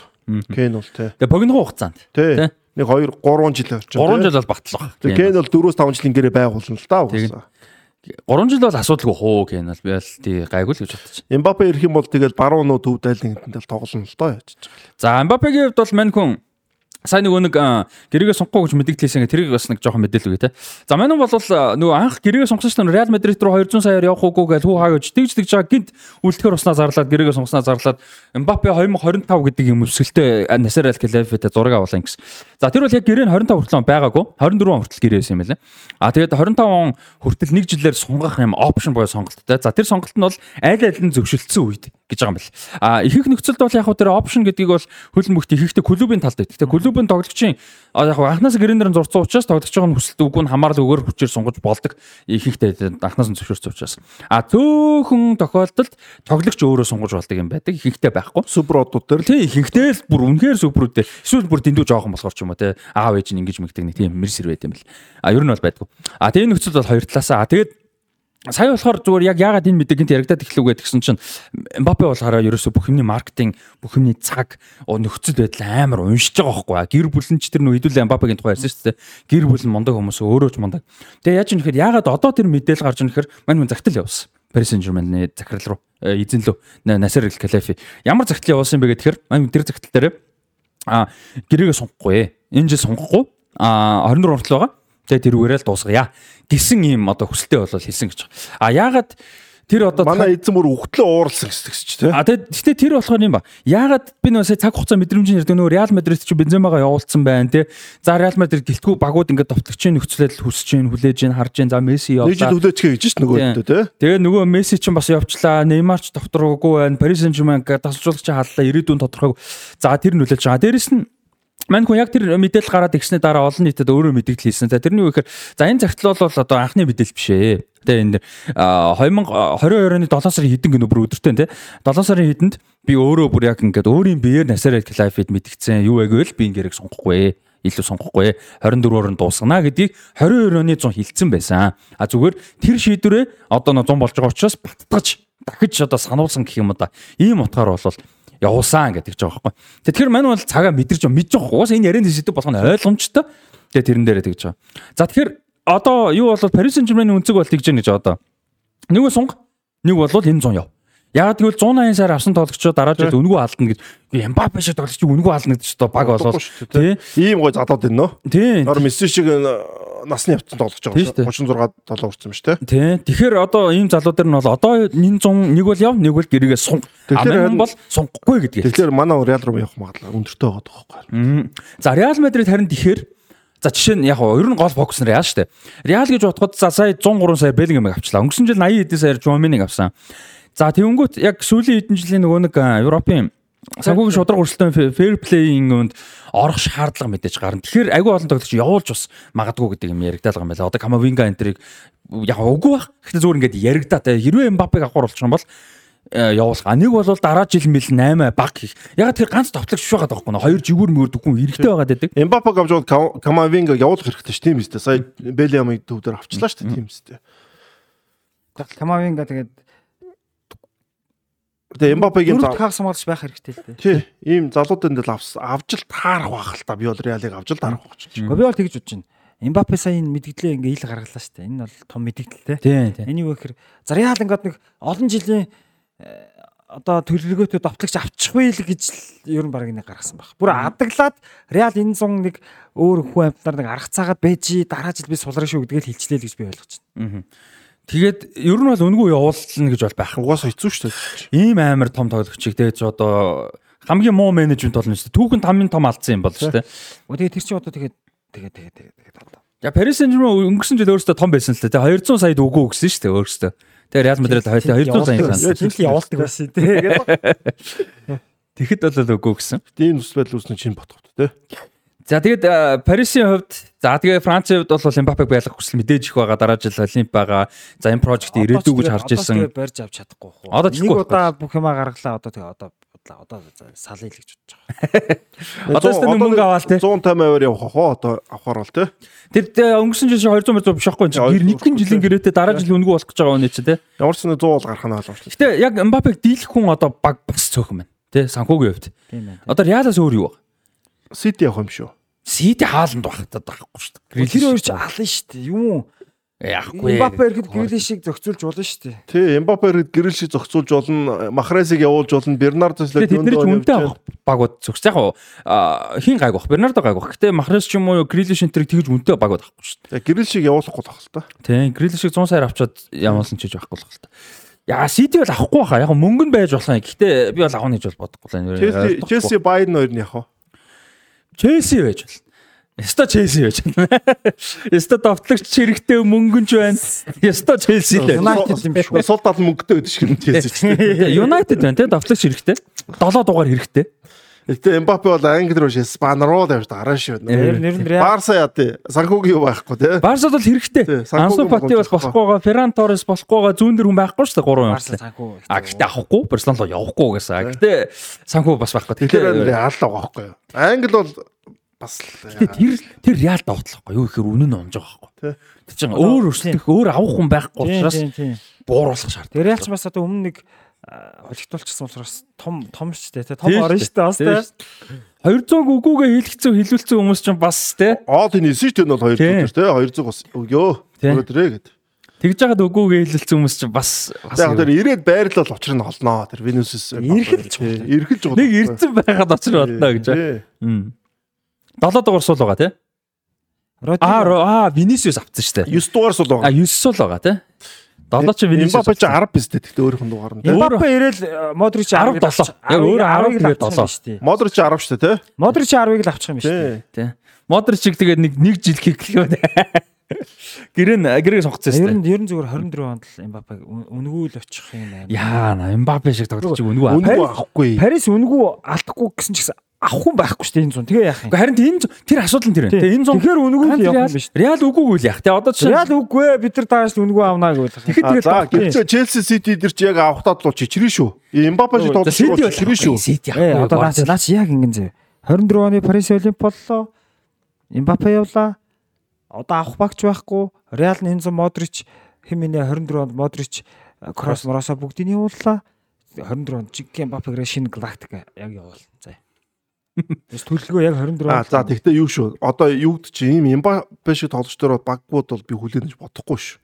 Үнгүү авсан тэр шүү дээ. Ээ. Реал өнгөө авч болно. Нөгөө нэгүүд нь урдууд нь ороод нэг солиот нь авчвал яах юм? Үгүй. Челси л байна. Яг үнэндээ яг тэгж магадгүй. Сити Гвардиола угаасаа Мбаппе шиг хүн авахгүй байхгүй. Уус авахгүй юм баха. Ерөөсө тэр бол таарахгүй байхгүй. Тэгэхээр би бол дээрэс нь Guardiola ч одоо энэ жил нөгөө төвийн хагас магас хойно мойно хүн авах гэдэг угаасаа гол нь яаж байгаа. Тэгэхээр би бол ганц боломжтой Челси л гэж бодож байна. Эмбапег авчвал гол нь ямар ч багийн 5 жилийн амжилт бүр амар болчих واخгүй. Тэгэхээр наад руу чинь жижиг واخгүй. Нилээ баталгаачих гэдэг. Тий, жижиг واخгүй наад руу чинь. Маркетинг тий. Тий, амар амар юмнууд орж ирэх واخгүй. Тэгээ Реал ер нь ойрхон байна да. Реал гэдэг энэ жил бол амар том давталт болчихлоо болчлоо л да тий. За тэгээд э, Мбаппе хаашаа явах вэ хүмүүс тэгээд сэтгэлээ бас хуваалцаарай. За энэ үрээд Тэгээд- өндөрлөх үү? За тийм. За ингээд Шоубринт шоу подкастын 50 дахь дугаарын эхний хэсэг өндөрлж байгаа нөхөр ивент итгэгч MS хамт олонд баярлалаа ивент итгэгч Web Sport Lounge хамт олонд баярлалаа. Аа, Хоёрхан дугаар үлдсэн байгаа өнөөдрийн дугаар тэгээд дараа 7 хоногийн дугаар яваад дууссан. За өнөөдрийн 2 дугаар хэсэг бол бас аа, улирал дуусч байгаатай холбоотой сонирхолтой сэдв байгаа. За тэгээд 2 дугаар хэсгээр уулзцаая. цаг хугацаа өнгөрөвч үн цэн үлдэн. Хүчний дэвшилтэд шийдэл бүхий бүтээгдэхүүнүүдийг төслийн аль ч үе шатанд эцсийн хэрэглэгчдэд зориулан тасралтгүй ханган нийлүүлж байна. Мэргэжлийн ур чадвар салбарын туршлага мэдлэгтэй тулгуурлан оновчтой шийдлийг харилцагч бүртээ санал болгон байнгын эргэх холбоотой ажиллаж урт хугацааны үнцнийг хамтдаа бүтээдэг. Бид улс орныхон хөгжлийн суурь болсон дэм байгуулалтын салбар бүрт дэвшилтэй технологи болон чанарын илэрхийлэл болсон бүтээгдэхүүний шийдлийг эрхүүлж харилцагч бүрийнхээ мэдрэлийн дан ажиллагаараа бахархдаг. Эрчим хүчний бараа бүтээгдэхүүн хангамж нөлөөлөгч MMS За ингээд Шоубринт шоу подкастын 50 дахь дугаарын season 1 одоо season 1 гэж ярьж штэ байгаа юм чи. Аа 50 дахь дугаарын 2 дахь хэсэг эхэлж байна. За улирлынхаа шилдэг 11 үдийг хуваалцаж ярилцъя гэсэн бидэд лайв дээр ярьсан байгаа. Тэгээд эхнээс нь явах үед байлаа. За Европын топ 5 лигийн тоглогчдоо сонгосон байгаа. За тэгээд дээрэс мэдээж бодож үзсэн тоглогчдоо тий. Бас үзэж чадаагүй мондоглогч мэдээж мэрсээр байгаа бах гэхдээ гайг бах. Тэгээд аа дээрэс нь би бол нэг багаас хоёрхан тоглогч дээтэл нь сонгосон. Гэхдээ ер нь гайгүй 3 ганцхан удаал нь 3 хүрлүү тий. Нэг тиймэрхүү байгаа. За тэгээд хаалгачтай хэлий. За араас нь тэгээд илүү дэлгэрэнгүй хэдүүл яриа тий. За хаалгач тийм энийг сонглоо тэнцэнээс эхлэх байна. За би бол шууд эргэлзээ авахгүй тэр штег нэг сонгосон. Аа. Испани Ла Лигийн энэ энэ улиралд бол 26 тоглолтод клин шит хийсэн.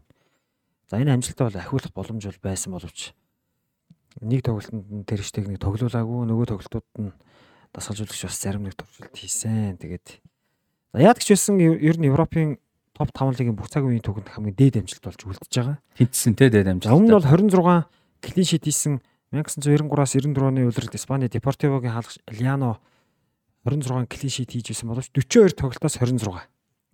За энэ бол одоо 38-аас 26 гэдэг бол одоо коэффициент төвд бол яа харахгүй өндөр үзүүлэлттэй. Тийм болохоор штегнийг сонгоход бол ерөөсөн ямар ч эргэлзээ байгаагүй. Би бол Андре Онана сонгосон. За гэх юм бол ямар нэгэн одоо юун дээр сайн хаахаас гадна бас нэг байгаа үзүүл те. Одоо шилбэл Эдерсон бол ховчилж үзүүл бас хамгаалтан дээр бөмбөг баг ирдэг те. Оноо бол ерөөдөө аврагуудын лидер бол бас нүдүүлсэн тоглолтууд бас зөндөө байгаа шүү дээ. Маш чухал чухал хаалтууд гэсэн. Тэгэхээр энэ Интерийн финалд үрсэн бас хамгийн гол одоо тоглолчдын нэг бол одоо Оноо байсан. Тийм учраас би Оноо бол ерөөдөө. Өмнөх э, лайв дээр яхад Майк Маньян гэж сонгож байсан шүү дээ. Би Маняны сонголоо. Маньяныг сонгосон. Майнаны сонгосон. Майна. би сая финалийн дараа тэгчүү. Финалийн дараа Онанаг Оноо- Онооног өөрчилчихлээ тий. Тийм байна. Финал дээр янз тогсон л Тий да. финал дээр тий Оноо за Майнанч сайн байсан. Майнанч сайн байсан. Дээрэс нь яг тэгж ярьж ирсэн шүү дээ. Майнаныг сонгоод би дээр 11 идэр хайчжээ хүнд. Өнөөдөр 11 гэж ярина гэж бодсонгүй. Тэгээ Онооног ороод ирлээ. Майнан Франц шиг номер 1 алдчихулж байгаа Милан цаанд тоглож байгаа тий. Мгм. Тийм тэгээд яа ер нь бол одоо Онооно Майнан ер нь ойролцоо л байна дөө. За Онооноог сонгоч би. За. Э, За би бол э, Марк Андре Терштег нэс яг хаа хин Эми Мартинес ч юм уу Онана хин дэргээд Майк Маньян гээд гой хаалгач бас байсан л да тэр нөгөө хин э, бас их мондог тоглосон шүү дээ Лациогийн хаалгач юм бэлээ. Провидел Провидел Провидел 21 клин шит. тийм их мондог байсан те. А гэхдээ Терштег нэг. Терштегний хувьд бол нэгдүгürt 26 тоглолтод клин шит. А дээрээс нь 37 тоглолтод оролцсон 18 гол алдсан. Алдсан гол нь хүртэл маш цөөхөн те. Энэ бол одоо үнэхээр гайхалтай юм мундаг үзүүлэлт хамгаалт. Энэ жилийн Барселона бол ойрын хэдэн жил ер нь Барселонагийн байдаггүй Барселона байсан шүү дээ. 13 билүү 4 тоглолт нэг тийг харьцаатай байсан. Хамгаалтан дээр суурилсан ийм Барселона байсан. За энэний бол маш том хэсэг нь бол Тэгээ маш чухал одоо төрүүлнэ гэж айгүй чухал байхгүй ч санхүүгийн асар том асуудалтай байгаа тий. тийм шүү дээ. Санхүүгийн сэтгэл зүйн те фэнүүдийн хувьд уур амьсгал айгүй олон юм байсан. Аа тэгээ төрсөн. За тэрштэг нь сонгосон ба. За дөрвөн хамгаалагчтай юу, таван хамгаалагчтай юу гэдгээс хуваалцаад тэгээд хам бүх хамгаалагчтай хэлчихв. За би бол дөрвөн хамгаалагч сонгосон байгаа. А Ньюкасл Юнайтед Кирен Триппер, а Наполигийн Ким Минжэ, Арсеналын Уильям Салиба, за тэгээ Барселонагийн Алехандро Балде гэсэн дөрвөн хамгаалагчийг бол сонгосон байгаа. За тэр тэр Трипперийн хувьд бол одоо Ньюкасл аврагын лигийн ирэх авлаа. За нэг хэсэг аврагын төлөөч бас нэг ойрхон нэг хэсэг явсан яг юм шиг л те. Тэгээ маш сайн тогсон маш мундаг явсан үйлрэлийн бол одоо том лидер нь тэр трипер байсан энэ үйлрэл те зөвхөн одоо талбайд тоглолтоосоо гадар нь дээрэс нь лидер нь байж чадсан а үнэхээр мундаг тоглогч гэдгийг харууллаа те дэлхийн хэмжээний тоглогч гэдгийг харуулсан гэж бодож байна а тэгээ Ким Минжэ Уильям Салиба хоёр бол одоо нэг нь аврагын төлөө өрсөлдсөн нөгөөд нь авраг авсан хоёр одоо хинч тооцоолог хоёр хоёул яг үнэн тийм аврагын төлөө өрсөлдөнө гэж бол тооцоолог хоёр багийн одоо хамгаалтын гол одоо нуруу ноён нуруу энэ хоёр байсан айл ал багийнхаа Европын хэмжээнд тоглоход тийм айл алынхаа дотоодын лигтээ мундаг а тоглосон Аа тэгээд мэдээж нөө миний хэлж байгаа нь аа, нэг багаас хоёр тоглогчтой л учраас зарим нэг тоглогч мэдээж байхгүй байгаа. Энэ донд ороог мундаг Рубен Диас гэдэг ч юм уу те. Мундаг тоглогч бас хэд Роналд Араухо гэдэг ч юм уу тоглогч бол байгаа. За тэгээд Алехандро Балде байгаа. Балде бол энэ жил аа, Барселонагийн довтлооны хамгийн чухал тоглогчтой нэг байсан хамгаалт гэхээсээ илүү. А нөгөө талд хамгаалтан дээр бол одоо Кристенсен Балде биш хин Күндэ хин гурав тогстой 10. Энэ гурав бол одоо тэрштегийн тэнэлээ хамгаалтын гол ноён руу байсан бол Алехандро Балде хамгаалтан дээр дайжгүй гэхдээ гол юм товтлоо байсан. Зүүн зүгүүрийн ер нь Балде шиг энэ жил тогсон зүүн зүгүүрийн хамгаалагч яг бүтэн үлрэлийн турш ингэж тогсон бараг байгаагүй дээ. Тео Эрнандес сайн гэхдээ ингэж бол тоглоагүй бүтэн сизон. А Альфонсо Дэвис мэдээж мундаг гэхдээ л бас бүтэн үлрэл ингэж бол тоглоагүй. А карьер мэдээж илүү л дээ. Гэхдээ яг энэ үлрэл гэж бодоход бол миний бодлоор Алехандро Балде хамгийн мундаг байсан. Тэгээ багта маш чухал хувь нэмэр оруулсан. Маш олон ассист өгсөн. 19 дээ шүү дээ тий 18-9 ийм залуу хүмүүртэл аль их төрүүл хичнээн реал жоохон суул ч юм уу атлетико юм байсан ч гэсэн тэгэл том лиг л бол том лиг шүү дээ тий тэр том лигт ингэж тоглоно гэдэг бол мундаг байсан тэгээ би бол Алехандро Балдыг сонгосон баг. За би бол Италийн лигээс дөрвөн хамгаалагч сонгосон. А за Ким Минжэл ойлгомжтой. Ким Минжэл нь үйлрэл гайхамшигтай байлаа. За Ачербиг сонгосон. За төвийн хамгаалтан дээр ч солгоо те. За зүүн зүрийн хамгаалтан дээр хэний тогсон? Марког сонгосон. Димарког одоо Интерийн те. Интерийн хоёр хамгаалагчийг авсан. За баруун зүгүүр дээр би Миланы Калабрек сонгосон доо. За энэ дөрвөн хамгаалагчийг сонгосон. Тэгээд угаасаа Димарког мэдж байгаа товтлон сайн байгаа. Айгүй мундад болж байгаа. Калабри анжил айгүй сайн байгаа шүү дээ. Наполиг эсрэг тоглолтын дээр тэр энэ Корацела гэдэг бол хөдөлгөөгүй. За Ачерби бол угаасаа одоо нийтрийн хамгаалтын бас гол хүн шүү дээ. Төвийн хамгаалтын яг тав хамгаалагчийг гол тоглож байгаа. Энэ хамгаалагч ерөөд энтрийн хамгаалтыг гол багдаж байгаа хамгаалагч. Туршлага нэмж байгаа тий. Одоо AC Миланы хувьд э, аврагуудын лигийн хагас шгшээд үлдсэн боловч дотоодд бол асар муу төгссөн шүү дээ. Яг тийм. Нуурсан шүү дээ нэг хэсэг бол бүр хит хит Нэг л гол Хэдүүлээ нэг ярьсан шүү дээ. алдсан гол моол бүр тамтгаа алдсан шүү дээ. Тэгэхээр одоо яг юу гэдэг нь яг Миланаас яг хамгаалт сонгох яг Майнаны тэр сайн байсан боловч Тиорнан сайн байсан боловч яг үндсэн хамгаалах үүрэг нь үнэхээр хог дээр гарцсан болохоор Маняны гинтцүү үед яаж зах тэр наа. аа нөгөө нэг Румын хаалсан. Тий, татар ушаа нуу. Тэгээд хин бас гимчи гэж бас сүргэл үзүүлдэг шүү дээ. ер нь тий. Тэгэхээр би бол одоо хамгаалтан дээр баруунд бол Триприг төвд Араухо, Салиба, за зүүнд бол яхааргүй Димарко Балде өөрөөс та Балдыг сонгосон. Э, Нэг үндслэлээ хэлсэн тий. Димарко бол 5-ын зүүн. Балде бол 4-ийн зүүн. Тэгээд дөрөвтэй ингээ байрлал сонгож байгаа болохоор яхааргүй Балдыг сонгосон. За Трипер Арухо Салиба. А Салиба. Тэгээ Балди тий. Хоёрыг чинь нэг л зурж шít 10 ходор тий. Тийм ээ 10 хот дээр. Трипер бол амар өсөө энэ жил одоо. Бүтэн багийг ирлээ шүү дээ. Трипер мундаг гэдэг багийг болж ирлээ. Яг энэ сизон хэдүүлээс та ярих хугацаанд тэр чигээрэл амар байлаа шүү дээ Трипер бол та. За ингээд хамгаалт бол иймэрхүү ойлгомжтой байгаа юм. За хагас хамгаалагчдыг гурван хагас хамгаалагчтай сонгосон. Ер нь баг аль алхна адилхан дөрөв дөрөв гуруулах, гурав гуруулах гэж бодож байна. За нэг нэгээр нь яриад хэлээ. Бас ярен сонирхолтой байх гэж бодож байна. За хэдүүлээ нэг лайв дээр тавьчихсан яг одоо суурин хойдлын хамгаалагч 6 дугаар ч юм уу цэвэрлэгч гэж ярьдаг те. Энэ байрал дээр бол энэ жил яг тийм олон мундаг тоглогч бас байгаагүй юм байна гэдэг яриас ирдэг гарсан. За Stones нэг хэсэг сүүлд бол мундаг тоглолоо. Гэтэ үйлрэлийг хагас ихний хагасдаг тоглоо. Нанж Бараг- Стоунс сонглоо. Тий. За Тинче Stones за бид хоёр бол За сонгосон. би тэгээд э, тэр финалийн өмнө хүлэн зөвшөөрсөн шүү дээ. За, Нэрэ манай хоёр бол го- зөв юм. Өнгөрсөн жил бол тонаали гарч ижсэн шин дээр. Миланы. Тоналийн үнэхээр мундаг байсан. Энэ үйлрэл бол яг Stones мэдээж тактикийн их том өөрчлөлт хийгээд хагас хамгаалалт Сүүл рүү орчихсон тийм. сүүл. Тий. А яг үйлрэлийн турш яг тэн дээрээ ерөөсөө ингээд ерөөсөө маш мундаг байсан юм бол яг харахгүй. Родригийн дээр тоглолтын статистик өстой айгу чиг тоглолт. Дандаа тийм эерэг үзүүлэлтүүд гарчдаг. Голын дамжуулалт. Одоо тэ чухал тоглолт дээр зэг олчлоо шүү дээ. Тэгээд яг нь Байерн дээр нэг амар гол хийсэн. Сая аврагууд лигийн шигшээ Одоо Испани шигийн гараанд үндсэн байралда гарах байлгүй дээ энэ ч одоо. Үнцэн барин тоглолмоор шүү дээ. Хань тий төвийн Тэгээ хойно төвийн хамгаалагч хэцүү л байна л да. Өөр хамгаалагч. байх. Гэхдээ Родриг хэлгэж болохгүй шүү дээ. Тийм үстэй.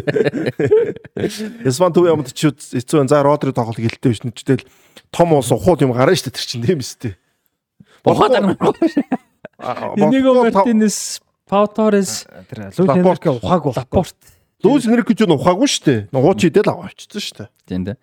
Би явахгүй гэж хэлсэн шүү Лүүс энергийг. За нэмээд нэг нэг төвийн нь хин юм бэ гэвэл за би бол а, Родригос гадна Жуд Беллингамыг сонгосон. За Беллингам шиг Германы тэ топ лигийн аврагын төлөө өрсөлдсөн багийн чухал тоглогч байгаад 10 хэдэн тоглолтод багийн ахлагчийг тууз явж үлдээд 3 4 тоглолтод тоглолтод багийн туу ахлагчийн тууцтай ихлүүлээд тэ аа тэгээд 10 11 2 гол хийгээд хамгаалтанд оролцоод ерөөсө хаасаагүйс. Ерөөсө талбай хаана хаалгачаас бараг бусад бүх байрал дээр үүж тоглосон. Аа ийм 19 шүү дээ. Энэ дүн одоо энэ 6 сарын 29-нд юу урж байгаа юм ба дээ. 20 урж байгаа. Яг 19 настай ингэж тоглож байгаа ч маш цөөхөн түүхэн. Наа чи 18 татаач юм биш шүү дээ. 17-д ирж байгаа шүү дээ. Тэгэхээр энэ бол үнэхээр энэ жил бол үнэхээр гайхалтай. Хэрвээ а, хэдхэн минут л дутлаа шүү дээ. Юу төрүүлээд бол Дортмунд яг хүлээгүй л дээ. Гэхдээ төрүүлсэн байлаа гэхэд хамгийн том хувь нэмэр нь бол Беллингем байх байсан. Нэг үед нь гоё л байсан л да товтлогоо мовтлогоо. Гэхдээ л тэ хамгаалт Би бол байсан. одоо Николо Барелла гэж хэлмээр байна л да. Юун дээр бас Италийн лигээс. Барелла бол одоо Интерийн хамгаалт балансыг хамгийн гол барьчихсан тоглогч тийм бол. Тэгээд яа, нөгөөдгийг нэлчих юм уу? А тийш гээ. За нөгөөх нь. За юу Род Родри дээр Stones гэсэн. тогтсон тий. За Stones-ын дараагийнх нь яг өөрийнх нь. За бид гур бол Грисман дээр тогтсон юм аа. Одоо Би бол Гэрээс Яг би дундхыг нь яриаг үлэн л дуулна. За за. Яг өөр өөртөөгөө ярьж авах л гэсэн. За. за би бол Де Бройн л гэсэн шүү дээ. угсаа. Де Бройн бол энэ жил угсаа алтан бөмбөг авах хэрэгтэй гон гэж би хэлсэн. Үнэхээр тасархаа байгаа тийм. Дандаа хэрэгтэй бол хэлнэ шүү дээ. Тэгээ хааландын олон дамжуултыг өглөө те.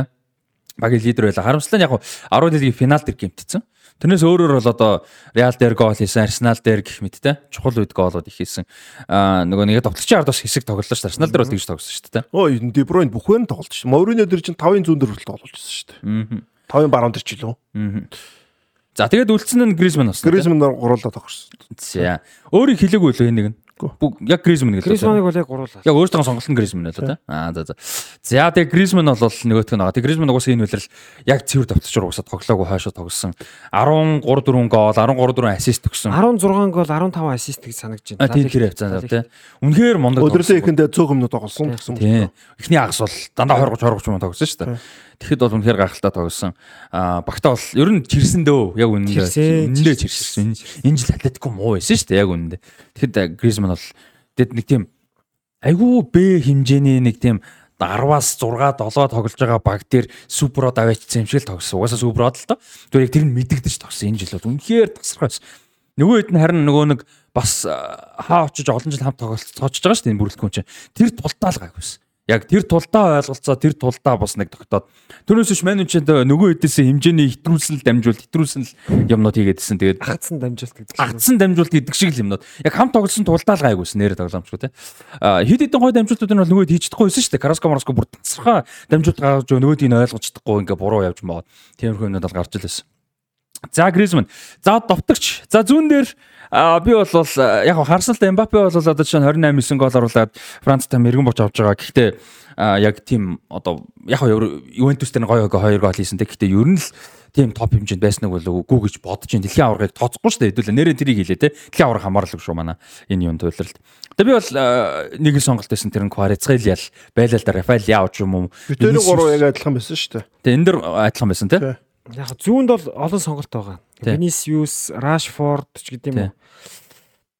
Тэгтээ тэгэл Растик Каврасилыг сонгостой. Би ч гэсэн. Би ч гэсэн Кварицгел шүү дээ. За тэгээ Кварацхели бол одоо зүүн дээр сонгогдсон ба энэ жил бол үнэхээр топ байсан. Тэгээ Италийн Сери А-гийн шилдэг залуу тоглогч шагналыг авсан байлаа. Шилдэг тоглогчийн шагнал Шилдэг тоглогчийг бас авсан. шүү дээ. Бас авсан хуулийг нь авсан. Тоглогчийг л авсан. Тоглогчийг л авсан. Залууг нь бол авч таарах уу? Залууг нь би Растагаас сонсчлаа. Тэгээ залууг нь бол ямар ч үсэн хин авсан. Кварацхели авсан Тэгээ мэрэгэн бочны Осимхийг авсан шүү дээ. Тийм авсан хэн мэрэгэн бочтой. Тэгээ үнэхээр амар байсан юм ч одоо. Тэгээ дээрэс нь багын дөрүүлчлээ Наполи. Аа. 33 жилийн дараа тий. Тийм 30 30 хэдэн жил. 90 оноос хойш. Тийм 33 жилийн дараа Наполи дөрүүлчлээ. Аврагууд дийлийг газарга байсан шүү нь бол. Аа. А би андуурсан юм биш үү? Залууг нь хин авсан юм байна. Би Кварацхели гэж авсан.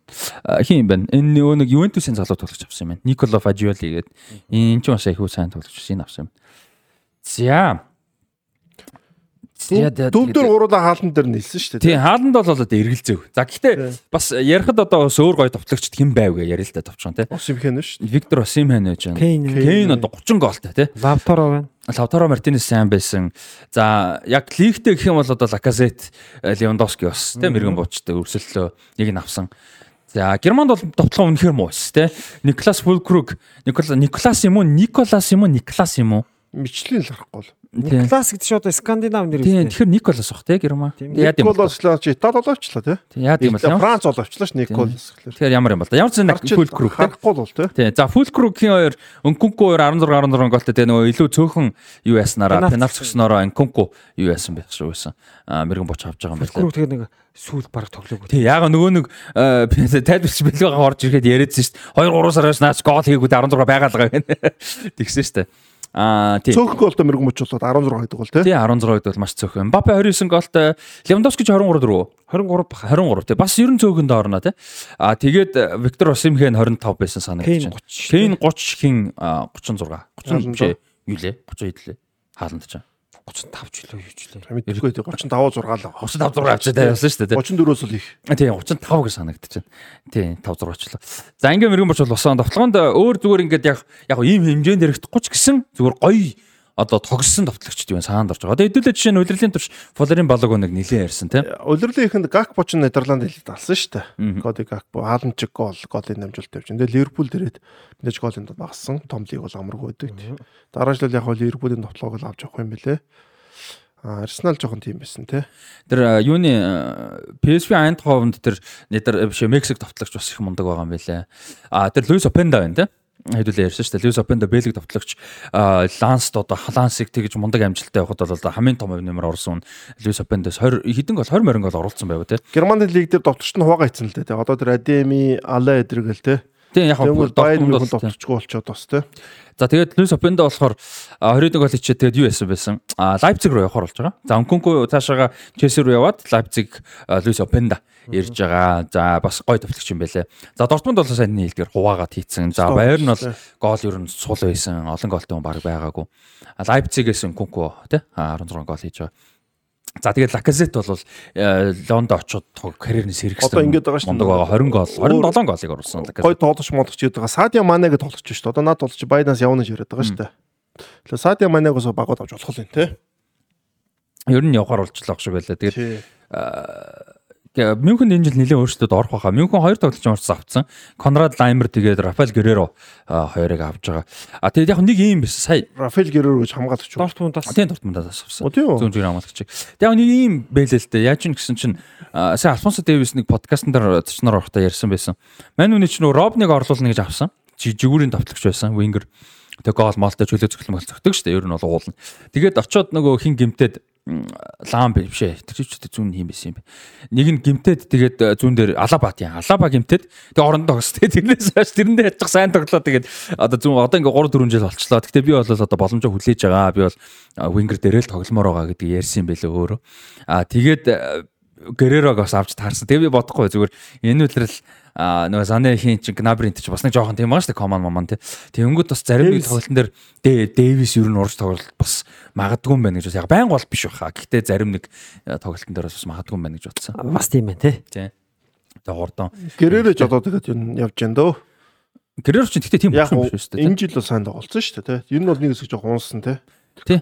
Тэгээ Дортмундд гэхдээ олон жил ер нь доктортой тогсон дөө. Дортмундын тийч амар гоолтой дээ Гэрээр ч ядаж байгаа. Болто Португалд ч гэсэн сайн тоглосон. Нэг хэсэг Гэрээр ч юу яасан дээ бүр а төвийн хагас руу бүр тогсон дээ. Центр дээр тогсон дээ. Юу ч нэлээ юу хана л та. Гэхдээ би энэ тэгж бодох дээ. Гэрээрээ төв рүү ч тоглож магадгүй дээ. Магадгүй магадгүй магадгүй тоглолт нь дээ Гэрээр. Одоо Байн Мюна Лаймер ч юм бол тийм амар супер амт биш дээ. Тэгээд угаасаа жигүүр мэгүүр товтлооны тоглогч нар тоглолтын байрлал юм биш. Наад ч угаасаа Лерой Зане ч юм уу Набри дээр явуулна гэдэг байгаа шүү дээ. Манай дээр. Тэгэхээр Байн ч нэлээд том өөрчлөлт одоо 100 хин дээ. Яг гэхдээ Баер нь бол мөнгөөр зодож том олон хүн болол одоо жишээ нь авахгүй те юу гэдэг бабэ гэдэг шиг. Тэгэхээр ямар дотоодосоо тэ түүчин дээ наад ч бол тий. Гэхдээ одоо түүх хүн бас хэцүү нь урд ялангуяа. Герман айгу муу байна тий. Урд гол нь алах. Наад Баерн ч нэг 20 жилийн өмнөх Баерн болчиход шүү дээ. Хөнгүү те. Одоо 20 жилийн бидний хөлбөмбөг сонирхоолох удаагүй байх үед яадаг гэхээр Баерн чинь тех тийм амар бүрэлдэхүүнтэй биш. Гэхдээ дотоодоос ингээ түүцсэн. Тэр их амар биш нэг тийм байсан шүү дээ. Нэг э, Баерны жоох муу байсан шүү дээ. Одоогийн Баерн чинь сүүлийн хэдэн жилийн Баерн чинь супер оддын Баерн байхгүй.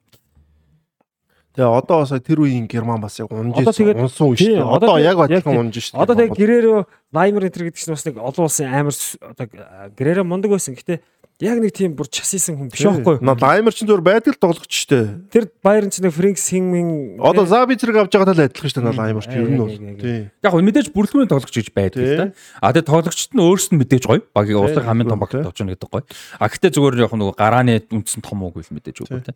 Тэгээ урд л хэцүү байна л да. Одоо зүгээр нөгөө нэг харахаар цаасан дээр харах гоё тоглогч байгаад шүү дээ те. Санаа манай хин санаа манай хин Гнабри Коман гэдэг Санаа манай.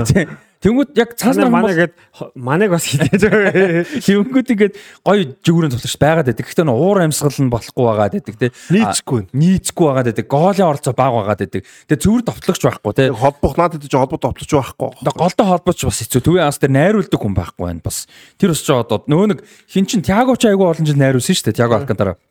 Одоо тэр чин яг Кимих үнэхээр мундаг а. Гэхдээ бас хангалттай биш байгаа даа бас хүн хэрэгтэй байгаа даа. Би яа нэлсэн шүү дээ. Горецкой тэрийг одоо сэлгээнд нь суулгад юм нэг бол өөр хүн авч. Би бол баяныг бол аль дээрээс хэлсэн бохгүй. Төвийн ягас тэр кимиктэй тоглох өшөө сайн чанарын сайн тоглож авчраа гэж бол уг нь бол өвөл подкаст Уул би одоо канд хэлсэн дээ.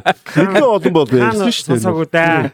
Горецкий кимик хоёр Германы шиж явахгүй шүү дээ. Германы шиж явахгүй баян. Кимик бол сайн байгаа, зүгээр Горецкий Харин тийм учраас кимикийг үлдээгээд хажуу талд нь Горецкийг нэг өшөө сайн тоглож. Уг нь Белиам айдэр дийлэхгүй л байсан л ахал та энэ бол нөгөө тийм ирэхгүй байхс бол иймэрхүү төрлийн сайн үнгээр сайн авах хэрэгтэй байхгүй баян ч. Одоо тэгээд нөгөө хин чин Кимих чин явж маав гэсэн юм бас яригадаад байгаа юм шүү. Болцсон шүү дээ. Болцсон уу? Болцсон. Барса нэг шуумарж байгаа болцсон шүү дээ. Нэг тийм их юм явсан те. Хэсэг. За тэгээд аль байрал ярьж байгаа Баарсад мөнгөгүй биш тэгэл шомордын тэгэл. Зүүн ярьж байгаа сая тэгэл манай зэнэ бол явчлаа л та.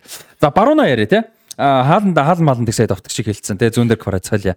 За баруун дээр хин энийг сонгосон бай. Би Сакаг сонгосон шүү дээ.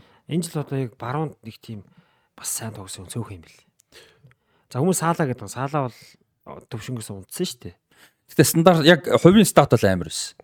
Баг нь сул байсан гэхдээ хувийн стат бол амар. Хувийн стат муу байсан. Өмнө би 30 гол ш. 30 нийт 30 гаруй э, голд оролцсон ш. би лав ингэж хэлж ирсэн шүү. Өвөл подкастын дундуур саалаа 30 хийгээгүй. Биш ээ голын оролцсон. А саалаа ч өмнө хоёр тоглолтод нэг гол хийдэг. Гол хийх магадлал нь тэг 10-ны нэг тоглолтод тэг 10-ны 5 байсан бол энэ үйлрэл чинь 5 тоглолтод нэг болоод тэг 10-ны 2 болцсон шүү дээ.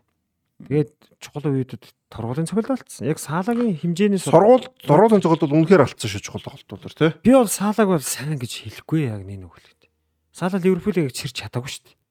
Чирдэг байсан хүн чирч чадаагүй шүү дээ. 2 3 тоглолтод алдсан. Тэр эд орцсон бол одоо энэ авруудыг нь орж явах боломжтойсэн бохгүй. Тэгэхээр саалаг бол би бол санал нийлэхгүй. Аа Цаалах юу нэж хэлээгүй шүү дээ. Аа тэгээ өөрөө дээр дээр яриадсэн шүү дээ хүмүүс чинь саалаа байгаа магаа гэсэн шүү дээ. Яг зүгээр л дурдсан баг. Энэ бол сака л аваад байгаа байхгүй. Баруунд бол яг яг тийм сайн яг Дембеле удирлыг ихсэн шигэ байсан бол орчих байсан. Тэгээд Дембеле чи баг хагас баг хагасна байхгүй. Аа тэгэл явж ив Сакалтай. Сака яг сүүлийн нэг сар гаруй хугацаанд жоох унсан. Гэхдээ одоо яг Сака шиг ингэж илүү хуц ийм удаан удаан байхгүй. Харин зүүн дээр айгу хэцүүлчихдэг. Баруун дээр. Баруун дээр Зүгээр салахын зүгээр цэвэр стат шүү заяа. Аа цэвэр стат нь бүх тэмцээний өрөөнд 51 тоглолтод оролцоо 30 гол 16 ассист. 46 гол. сүүл рүү наа чи сайн явсан л да. Сүүл рүү сайн явсан. Мгм. Тэгээ 7 юулээ Юнайтед хижээр эдэр очилоо. 7-0. 7-0 мөл гэл явж өсөж нэ гол нь бол нийт тоглолтын дээр. Гэхдээ үнэхээр докторгүй байсан. Тий докторгоо. Тийм Ливерпулийн удирдалтай адилхан. Ер нь Тий. Ливерпул энэ удирдал хамгийн тогтсон яг хаалагчдаар бас ярьж болох байсан хүн бол Алисон Бекер л. Яг удирдлагын угаасаа шилдэг тоглогч нь Алисон Бекер болсон. Тэгээд ер нь бол Алисон л баг хамгийн тогттой дөнгөө тоглосон. алдаа гаргасан шүү дээ. Нэг Ливерпултэй хоёр- гай юм гайгүй нөхгүй. Ливерпулийн энэ удирдлагын хамгийн тогттой тоглосон Алисон Бекер л те. Аа Тий. Ливерпултэй Тий. аа хугацаа минут нь Үгүй эгүй ерөөсөө амжилттай. Ер нь Ливерпул энэ жил ер нь бүгд мөс. Тэгвэл тэгэл Арнолд муу, Бекер Ван Дайк муу. муу байсан гэр тэг бүгд л Үгүй муу байгаагүй. Бекер муу бол байгаагүй шүү. Яг хилээд алдаа Бекер гарсан. миштэй ингэсэн зав. Юун дээр Реал дээр чансан зав. Одоо Чансан гэж үл хэлэхгүй. Үгүй алдаа гаргацсан шүү дээ тэр чинь. Бекерээс э, Ливерпул ч хожиж явсан байгаа ус Реалыг. Эхний тоглолтод аврагын лиг дээр тэнгуут Бекерс нь том алдаа гаргаад Э, Тийм ээ. орцсон шүү дээ. Тэгээд тоглолт эргэцсэн шүү дээ Расти.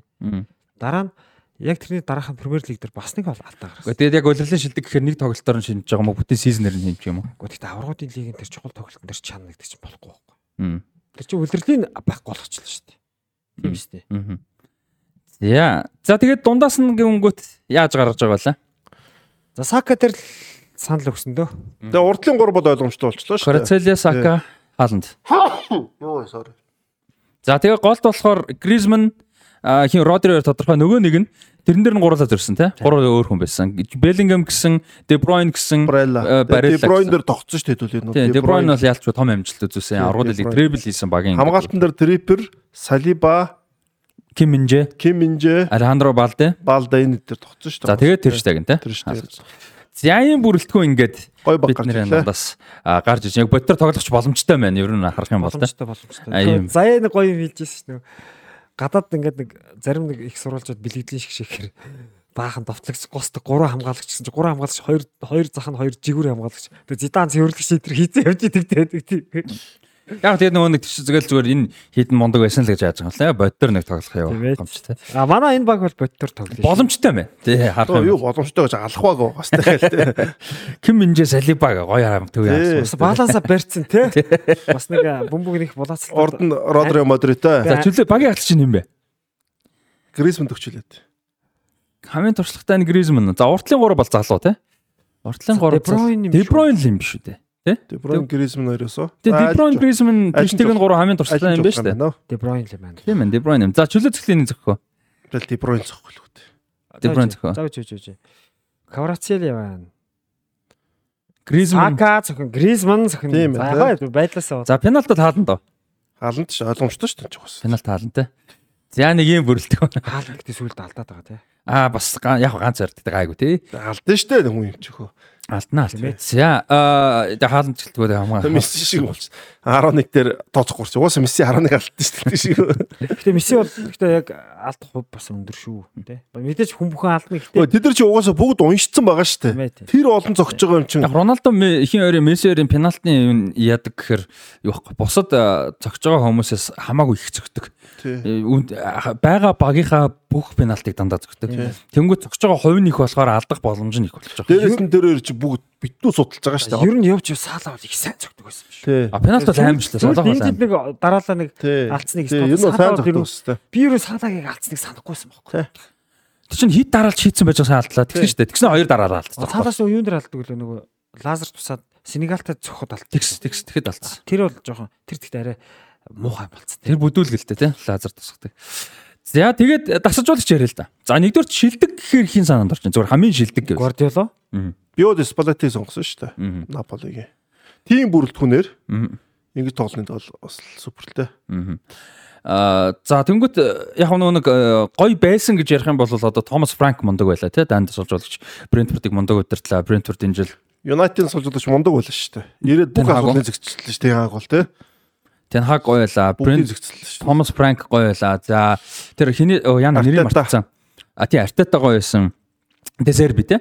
А удирлын ихний хагаст Гранд Поттер мундаг гэж байгаа. За тэгээ Дезерби бүр илүү ахиулсан тэр багийг. За Лансын тасалжуулагч бас мундаг байна. За Имануэл Алгосил юуг Реал Сосидад багийг аврагууд дэлгэхт орууллаа, эрхийг авлаа. Унаа Эмери Астон Виллаг Европын тэмцээний эрх авуулаа. Конференц лиг эрх авсан шүү дээ те. А мундаг явуулсан. За ийм одоо мундаг тасалжуулагчд бол энэ тэнд бас байсан. За тэгээ саяны түрүүн ихний хэсэгт ярьдаг одоо Клаудио Раньери хүртэл те бас гоё дурдаг ийм э, түүхтэй. А Брексимийн суулгч юм бэлээ. тасалжуулагч юм мэдгүй. Расти мэдхгүй юм уу? Мэдгүй тасалжуулагч өстэй цэжэр мэдгүй ш. Брексими чинь ямар ч Тулгаал мэдэх бах та. Тулгаал мэдэх бах. Тулгаараа ярьж мэдэхгүй шүү тийм би гэж аахгүй тий. За өстэй жигэн мэдэх баха. Эзний мэдээд ахгүй тий. Райан Рейнольдс Маккелани хоёрыг л мэдээд байгаа шүү дээ. А нэр United Airlines тэр юуны Ryan Reynolds, Rob McElhenney хоёрын холбоо тэр таньж мэддэг танилын үрээ гэдэг шиг бизнес юм байна. Үнэхээр амар. Та боддоо ингэж аахгүй. TikTok ивент итгэж байгаа шүү дээ. Үнцэн спонсор тий. Тэр чинь том тий. Тавдугаар лигийн баг дээ. Одоо л мэрэгжлийн. Албан ёсоор мэрэгжлийн ч биш баг дээ. Хагас мэрэгжлийн тий. Тэгээд лиг нэг рүү орж ирж байгаа. Тэгснэ TikTok ивент итгэж байгаа. Тэгээд чи өмсгөлийн ямар хувцас компани гэдэг үлээ бас гайгүй компани дээ. Тэгэнгүүтээ сая TikTok болоод юу яаж юм бэл. Шинэ ивент итгэжтэй болж. Тэр нь United Airlines Америк Тий. амар чинь юу вэ? United Airlines гэж Америк амар том компани. Америкт дэлхийд эхний 3-д орох байх шүү. Энэ нислэгийн компаниас Delta, United Airlines, Lufthansa, Lufthansa Lufthansa ордгүй Америкийн 3 эхний 3-д орж ирсэн. Би харж ирсэн. юу гарна зүгээр нисдгийн тоогоор Нислэгийн тоомоо одоо тэр мөнгө төгрөг одоо онгоцны тоомоо бүх юм орж байгаа шүү дээ. Lufthansa дээр ч юм бол яг нь Европт том шиг Германы тий. Америкийн нислэгч амар өгөхгүй тэр. Америк дотроо нислэг нь том л да. Амар шүү. Юу Европ шүү тий. Delta, United Airlines, American Airlines илүү тэр гур шүү. Тэгээд тэр American Airlines биш American гэсэн. United. United гэсэн. Би тэрийг аварцгааш. United Airlines юу яаж байгаа юм бэл? Спонсор байгаа. Тэр нөө кино гэдэг үстэй нөө алаад чинь кино United 93 билүү. А тий тэр чинь United А, байсан. Том том наача дэлхийн ихний том 3. Киноч жоох амьдрал дээр бусан юм л Тий. та. Тий. Аа тий. За ингээд э, United Airlines бол спонсор болж байгаа юм байна. За энэ ч бас ингээд юм том мэдээ бас болж байгаа тий. А тэр нэрээ нөгөө нэг хальт мэдээс нэрөө Барселонагийн тоглох гэдэг цэнгэлтгүй шүү дээ шин. Шин жоох нэг олимпийн байдаг цэнгэлт. Тэр чинь ийм юм байна. А, Юунаас Кампноогоос нэлээд зайтай тэгээд дээрэс нь юм уулан дээр байд юм ба дээ. Дээш өндөр газар байдаг. Тэгээд эргэн тойрон дид бүтцийн баг байхгүй шаху хоосон. Тэгээд олон жил хоосон зогссон. Нэг хэсэг яг Испаниол тоглож исэн. Тэгээд Монжуик гэдэг юм байна. Яг нөгөө олимпик дээр одоо байгаа нэрээр нь бол яг аль бисны нэр нь. Гэхдээ Испанчууд нь Барселончууд нь бүгдээрээ тэр Монжуик гэж нэрлэдэг. Уусаа Монжуик гэдэг одоо албан бус нэртэй юм аа л да. Хуучин тим нэртэй байсан. Тэгээд нөгөө Series Tower гэдэг шиг одоо өөр нэртэй. Гэхдээ хуучин нэр нь бүгд дууддаг. Тэгээд тим цэнгэлт юм бэлээ шүү. Тэгээд нөгөө дид бүтэц тэгээд чинь хороо нөгөө дэлгүүр мэлгүүр огшоо юу гэдэг үйлчлэгээ тэр юм баг байхгүй шаху. Тэгээд ер нь бол Барселона нэлээд мөнгө зарнаа. гол нь зам дээ. Зам. Тэгээ очиод нааш явах тэр дид бүтсэн юм айгу муугс. Тэгээд нөгөө нэлээд юм одоо нөгөө нэг өөрчлөлт орно фэнүүд нөгөө нааш чи явах гэж. Тэгээд э, тэр бол нэг тийм асуудалтай гэдэг. Тийм их юм яригдчихсэн. За өөр чин хөл мөгтөр харсан гоё сонирхолтой мэдээ мэдээлэл юмнууд анзаарсан зүйл байна. Ямар ч Интер Майами нөгөө нэг Интер Майами гэснээс нь юу яаж байгаа те? Их конференц гамын дор явж байгаа. Аа Заваа нэрхсэнтэй Интер Майами гэж Интер Милан гэж байгаа юм шиг харагдахаар тий. Аа нөгөө нэг тий тэгсэн чинь нөгөө international гэдэг утгаар тий тэгсэн чинь нэрээ нөгөө нэг Reddit-ийн пост хийсэн гэсэн штэ бидний үзий яддаг юм юу юм гэсэн чинь э, юу Интер биш Интер Miami гэсэн чинь AC Miami Интер гэж байгаа юу Интер гэдэг хэлсэн. Интер Miami AC Miami гэж байгаа юу Интер гэдэг хэлсэн. А за энэ үрээд тэгвэл 2 дахь хэсэг өндөрлөхгүй. За Удирлын онцлог зүйлүүд мэдээж зөндөө байлаа. Тэгээд сюрприз тоглогч байсан уу? Корицели байсан баг те амин сюрприз тоглогч орог. Киминжэ Курацхала гэж байж шүү дээ. Хин Сака мондог байсан. Салиба Салиба шүү дээ. Салибаг бол зээлээр явж байхад нь заримдаа хүмүүс мөлөхөөс би бол Салибаг уусаа мундаг гэж аль дээр иржсэн шүү. Баалта баалта. Баалтай үнэхээр сюрприз байлаа тий. Үнэхээр гахалтай тогсон. Аа тий хэд хэдэн гой сюрприз. Манай үзэж байгаад э, бас э, сэтгэлээ холцгой тий удирлын шилдэг 11 за тэгээд сюрприз тоглогч сюрприз баг тий бас юу байв? Аа гэдэг Интер Милан хэдүүлээ сюрприз баг гэдэг нэрстэй аврууд лиг дээр ялангуяа. Наполи мэдээ сери А дээр. Гих мэт тий мэдээллүүдээ яриарэ. Тэгээд сэтгэлээ хуваалцараа тэгээ өнөөдрийн 2 дугаар хэсэг маань энэрэд өндөрлж. Цаг хугацаа өнгөрөвч үн цэн үлдэн.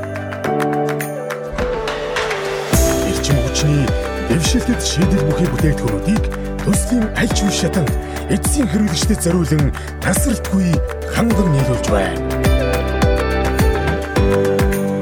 Мэргэжлийн ур чадвар салбарын туршлага мэдлэгтэй тулгуурлан оновчтой шийдлийг харилцагч бүртээ санал болгон байнгын эргэх холбоотой ажиллаж урт хугацааны үнцнийг хамтдаа бүтээдэг.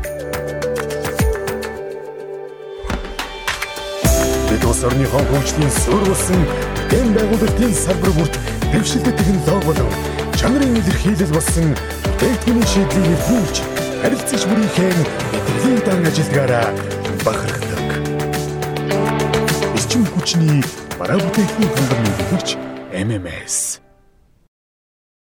За ингээд э, өнөөдрийн дугаарын маань э, сүүлчийн хэсэг буюу story болон маань эхлэхэд бэлэн болсон байна. За эхлээс өмнө та бүхэн хэрвээ А бидний дэмжих юм бол Хас банкны 500 556 29 78 дансаар донешн хийж дэмжих боломжтой 2хан дугаар үлдсэн. Өнөөдрийн дугаарыг оруулаад 2хан дугаар үлдсэн. Тэгэхээр та бүхэн дэмжиж а дэмжих юм боломжтой шүү. Дээрээс нь энэ хугацаанд бас Одоо дууслаа штэ. Тэгээд энэ хугацаанд бас нэр тийс одоо тэ явахгүй. Тэгээд тийм болохоор Дэмжихгүй бол дууслаа штэ энэ өдөр чинь. Тэгэхгүй бол амжиж дэмжээр энэ төр ядаргатай.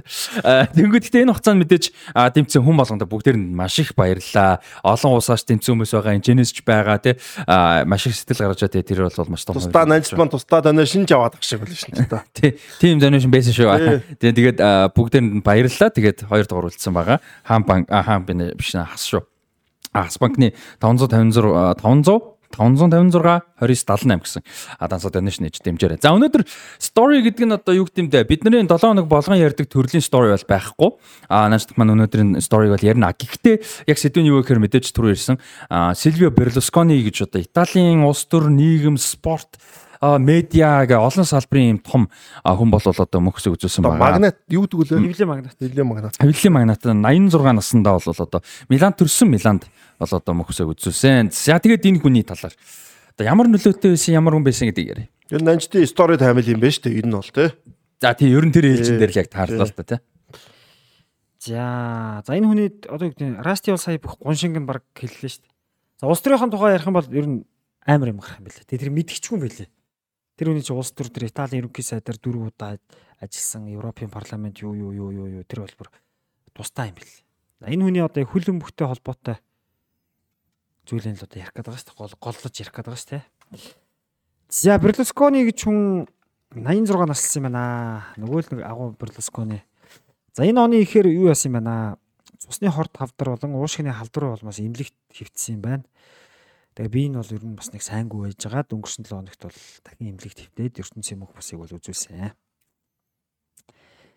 За энэ хүн бол одоо 1986-аас 2017 онд бол Италийн алдарч Милан клубыг бол эзэмшсэн. За анх энэ хүний За Берлускони Милан клубыг худалдаж авснаас одоо 1900 86. 86 оны 2 дугаар сарын 20-ны өдөр худалдаж авсан юм байна. Тэр үед бол Милан клуб бол яг Милан бол мэдээж Яа би 3 хоногийн дараа төрсөн биш гэдэг шиг тий. тийм байна те. Милан бол мэдээж агуу түүхтэй клуб байсан. Берлусконыг авахаас ч өмнө Европын цом төрүүлчихсэн. Гэхдээ яг тэр 80-ад онд 70-ад оны сүүл 80-ад онд бол Милан бол том хүнд байдалд байсан юм байна. За би тэр Миланыг судлаад үзлээ л дээ. 79 онд Serie А төрүүлсэн юм. Тэгснэ 80 онд унтсан юм. Бас сонь шүү. Бас сони юм байна те. За тэгээ 81 онд Serie B төрүүлээд гарч ирсэн боловч 82 онд унчихсан юм. За ингээ 83 онд Төрүүлэл унаал төрүүлэл унаалсан шүү дээ. ерөөсөө альч лиг тамаагүй төрүүлээл унаал төрүүлээл унжсэн. За 83 онд ингээ Serie B-д төрүүлээд ингээ Serie А-д гарч ирсэн боловч ерөөсөө аврагын төлөө өрсөлдөх Потенциал потенциалгүй болсон байна. Тэгээд санхүүгийн олон янзын бэрхшээл энэ багт бол тохиолдсон байна. За ер нь бол Милан бол дампуурх нь бол цаг хугацааны тохиол байсан юм байна. За ингээд Италийн одоо бизнесмен Сильвио Берлускони бол 1986 оны 2 дугаар сарын 20-ны өдрийн нэг клубыг авч зөвхөн дампуурдаас аврах биш бүр Европын топ клуб болгосон. Ийм төвхт. За тэгээд Берлускони бол маш олон одоо Милано клубт бол их хөрөнгө оруулсан, маш олон зөв сонголт 8-аг бол хийсэн байдаг. Хамгийн алдартай нь бол яа харахгүй Ариго Саки гэж одоо тухайд Италид өссөн мандж явсан тасгалжуулагчийг бол авчирсан. Энэ бол Италийн домогт тасгалжуулагч. За Сакигийн удирдлагын дор энэ баг яасан бэ гэхээр олон цомыг бол тун хотлого түүж гисэн. За 1900 86 онд тэнийг авч байгаа шүү дээ. За 87-оос 88 оны улиралд агуу Диего Марадоногаар ахлуулсан маш хүчтэй байсан Наполиг яалж Скудетто буюу Италийн Сера хүртсэн баг. За 88 он. За тэнгуут 89 онд Румыны нөгөө Стиа Бухарестиг ялж Европын цом төрүүлсэн. 90 онд дахиад Европын цом төрүүлсэн. 89 90 онд Европын цом аавна. Энэ нь бол одоо саяхныг болтон аврагуудын лигт дараалт хамгийн сүүлчийн тохиол байсан шүү дээ. За тэгээ Ариго Сакигаас гадна одоо Берлусконы багт бол Нидерландын алдарт Марко Ван Бастен, Франк Райка, Друд Гүлит гурыг бол авчирсан. Тухайн үед Европын нэг клубт нөгөө үсрээд 3 легионоор тоглож байж болдог дүрмтэй байсан. Тэгээ энэ гурав бол Нидерландын гурвал гэдгээр бол ягаргүй алдарсан. За Италийн шгшөөгийн тоглогч Роберто Донадони, Карло Анчелотти, Жовани Галли, Пауло Мальдини нарыг одоо өөр багуудаас авах нь авч залуучуудын багаас дэвшүүлэхийн дэвшүүлж исэн ийм алдартай хүн байгаа. За тэгээд тухайн үед Ариго Сакигийн тактикч их мундаг байсан байлээ шүү дээ. Тухайн үед нэг отон тоглолтыг ингэж хэмждэг байсан байлээ. Нэг тоглолт шиг отон тоглолтын байралд байдаг шүү дээ. Араас дамжуулт өгөөл бол тэр хүн идэвхтэй байна уу идэх Отон байсан. хамаагүй отон. Тэнгүүт Ариго Сакигийн Милан ч ерөөсөө шууд шахацдаг байсан. Тэгээд пас өглөө тэр хүн идэвхгүй байсан ч тэгэл туг өргөдөг. Отон тоглолтын дөрмийг бол тэгж ашигладаг. Сакигийн тактик бол тийм алдартай байсан. Тэгээ Милан бол үүгээр бол тухайд гайхажсэн юм. За ингээд ингээд ингээд ингээд явсан. За тэгээ 1991 онд Ариго Саки бол юуг орхисон? Миланыг орхисон. Италийн шгшөөгийг өдөрт харуулсан. За гэвч агуу одоо Фабио Капеллог авч Капелло бол Сакигийн тэр алдартай уламжлалыг бол бас нэг унагалгүй бас амжилттай өргөжлүүлсэн. Милан клуб чинь 3 улирал дараалж Европын цомын шгшээ тоглолтод үлдсэн гэдэг шүү. 93 онд Милан бол үнэхээр мундаг байхдаа юутэй үлдээд Олимпик Марсель бол хожигдж ирсэн. 94 онд Яхан Кройфын удирсан Барсаг аврагууд лигийн шгшээ тоглолтод дөрөв тэгэр буулгаж авч ирсэн. За 95 онд бол Аякстай үлдээд хожигдж ирсэн. За ингээд Капеллогийн үед бол бас Милан бол бас мундаг байсан. За тэгээд Капелло халагдаад дараа нь 97 онд Ариго Саки ирсэн боловч бас нэг амжилт үзүүлээгүй. За тэгтээ түүнээс хойш хэн байдэн штэ 2001 оноос хойш Анчелотиг авч ажиллаулдаг тийм Анчелотигийн удирдлагын дараа аврагууд лигийн шгшээ тоглолтод 3 удаа үлддэг. 2 4 2 төрүүлдэг. За Анчелотигоос хойш бол яг Милан жоохон хүнд байсан, хүнд байсан яг үүндээ. Сүүлийн хэдэн жил бол жоохон амаргүй байж байгаад. Хүмүүс бол 2011 онд те төрүүл Берлусконыг удирдлагын дор 2011 онд бол Сериа төрүүлсэн. За ингээд 2017 оны хүртэл Берлусконы энэ багийг удирдаад Милан клуб чинь бол нийт 29 цом авсан гэдэг шүү. 29 цом авсан. За түүнээс эндээ бол аврагуудын лиг 5 Сериа 8 удаа төрүүлж Миланыг бол яхахгүй Европын тийм хамгийн агуу клубүүдийн нэг болгосон. Миланы нэг аврагуудын лиг 7 төрөө 5 нь бол хиний үед биш. Берлусконы. Тэр бүр аимшигтэй тий. Тийм байна.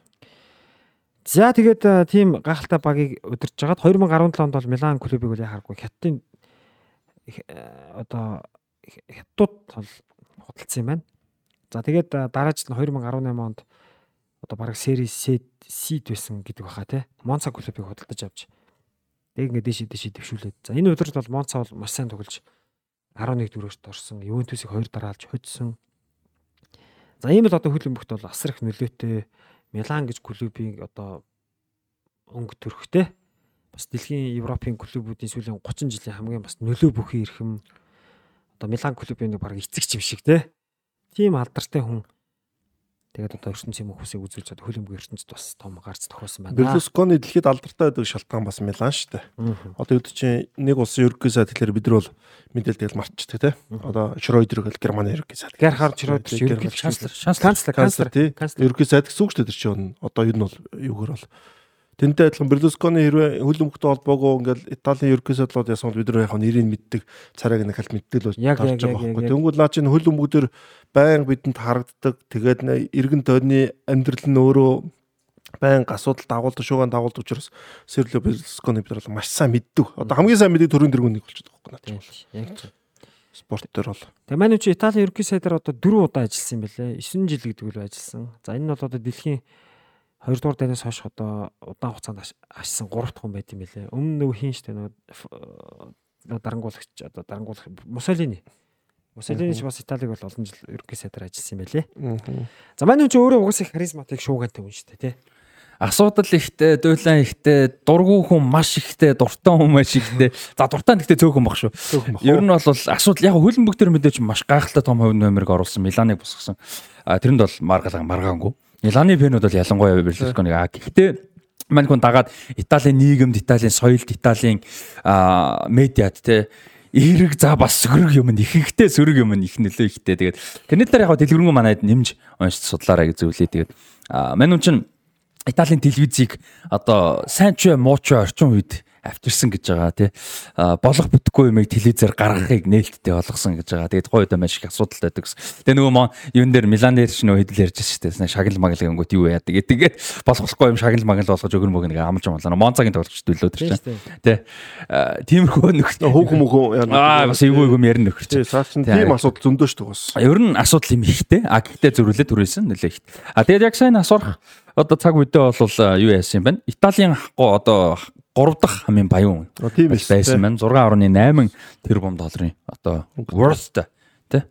Тэгээ ер нь тэрийг үү юу хөрөнгөтэй хөрөнгөтэй гэж байна. Хөрөнгө гэс дөөр өгч орч. Тийм. Гэхдээ тийм яг одоо worth гэдэг чинь нөгөө бэлэн каш мөнгөтэй гэсэн үг биш шүү дээ. Тэр Тий, Одоо бүх үнэлгээ л. Тэгээ үнэлгээ нь гэсэн. хөрөнгө. хөрөнгө л юм да тийм хөрөнгөтэй. Ийм бол. Одоо тэр байр сав машин Хөрөнгө орлогын мэдээлэл шүү дээ. Ээ зүйтэй тийм. Тэгэхээр яг хөрөнгө л юм байна л да. Тийм байна. Ийм байсан байна. Сильвер Берлускони Тэгээд тэгээд чи Forbes Forbes тэр эд үедээ 190-д орж исэн. Тийм юм харагдчихсан шүү. тийм баг тийм баг. Тэгээ бас нэг юм байдаг шүү. Одоо чинь яг хэн бол амар алдартай тий. Аа Роман Абрамович. Гэхдээ зүгээр анх ингээ хэдүүлээ хөлбөмбөг үзээд эхэлжсэн үе байгаа шүү дээ. Тэр үед бодоход ер нь клубын эцдэг нь мэддэг гэж юм Берлускониос өөр ер нь хор байсан. Массимо Моратти. А Мурат. Тэгээ Мурати чи яг эзэн байл. Ерөнхийдөө ч байсан. Бүтэн эзэн Аа, байл. эзэн аа. Үгүй би Моратиг би Моратти ч үнд зарсан шүү дээ. Хувь муу зарсан шүү дээ. Тийм бил. Яг яг ерөнхийдөө амар алдартай байсан. Берлускони Абрамович өөр эздүүд гарах мэддэггүй л байсан шүү дээ. Ховор тий. Ховор ер нь ховор шүү дээ. Яг яг тэгж эзэн нь өөрөө анхаарал. Такси Шинаватра байна. Таиландын тэр мэрийг бол мэддэг. Тий. Би Массимо Моратиг бол их шуугантай хүн гэж бас боддоо шүү дээ. Тийм шүү дээ. Нөгөө Италичууд угаасаа шуугантай. Яг хөө тэр ерөнхийлөгч эзэн мэдгүй. Тэгтэл нэг тэр клубын хамгийн одоо удирдлага гэдгээр нь тэгж боддог. Тэгээд дэлхийн хамгийн баян өндөр бас ийм юу гэдэг шин хүмүүст анхааруулвал тэгээд одоо ингээл арабын баахан баячууд мочууд хаадад ордог шүү дээ. Энэ болохоор нэг юу байдаг шүү.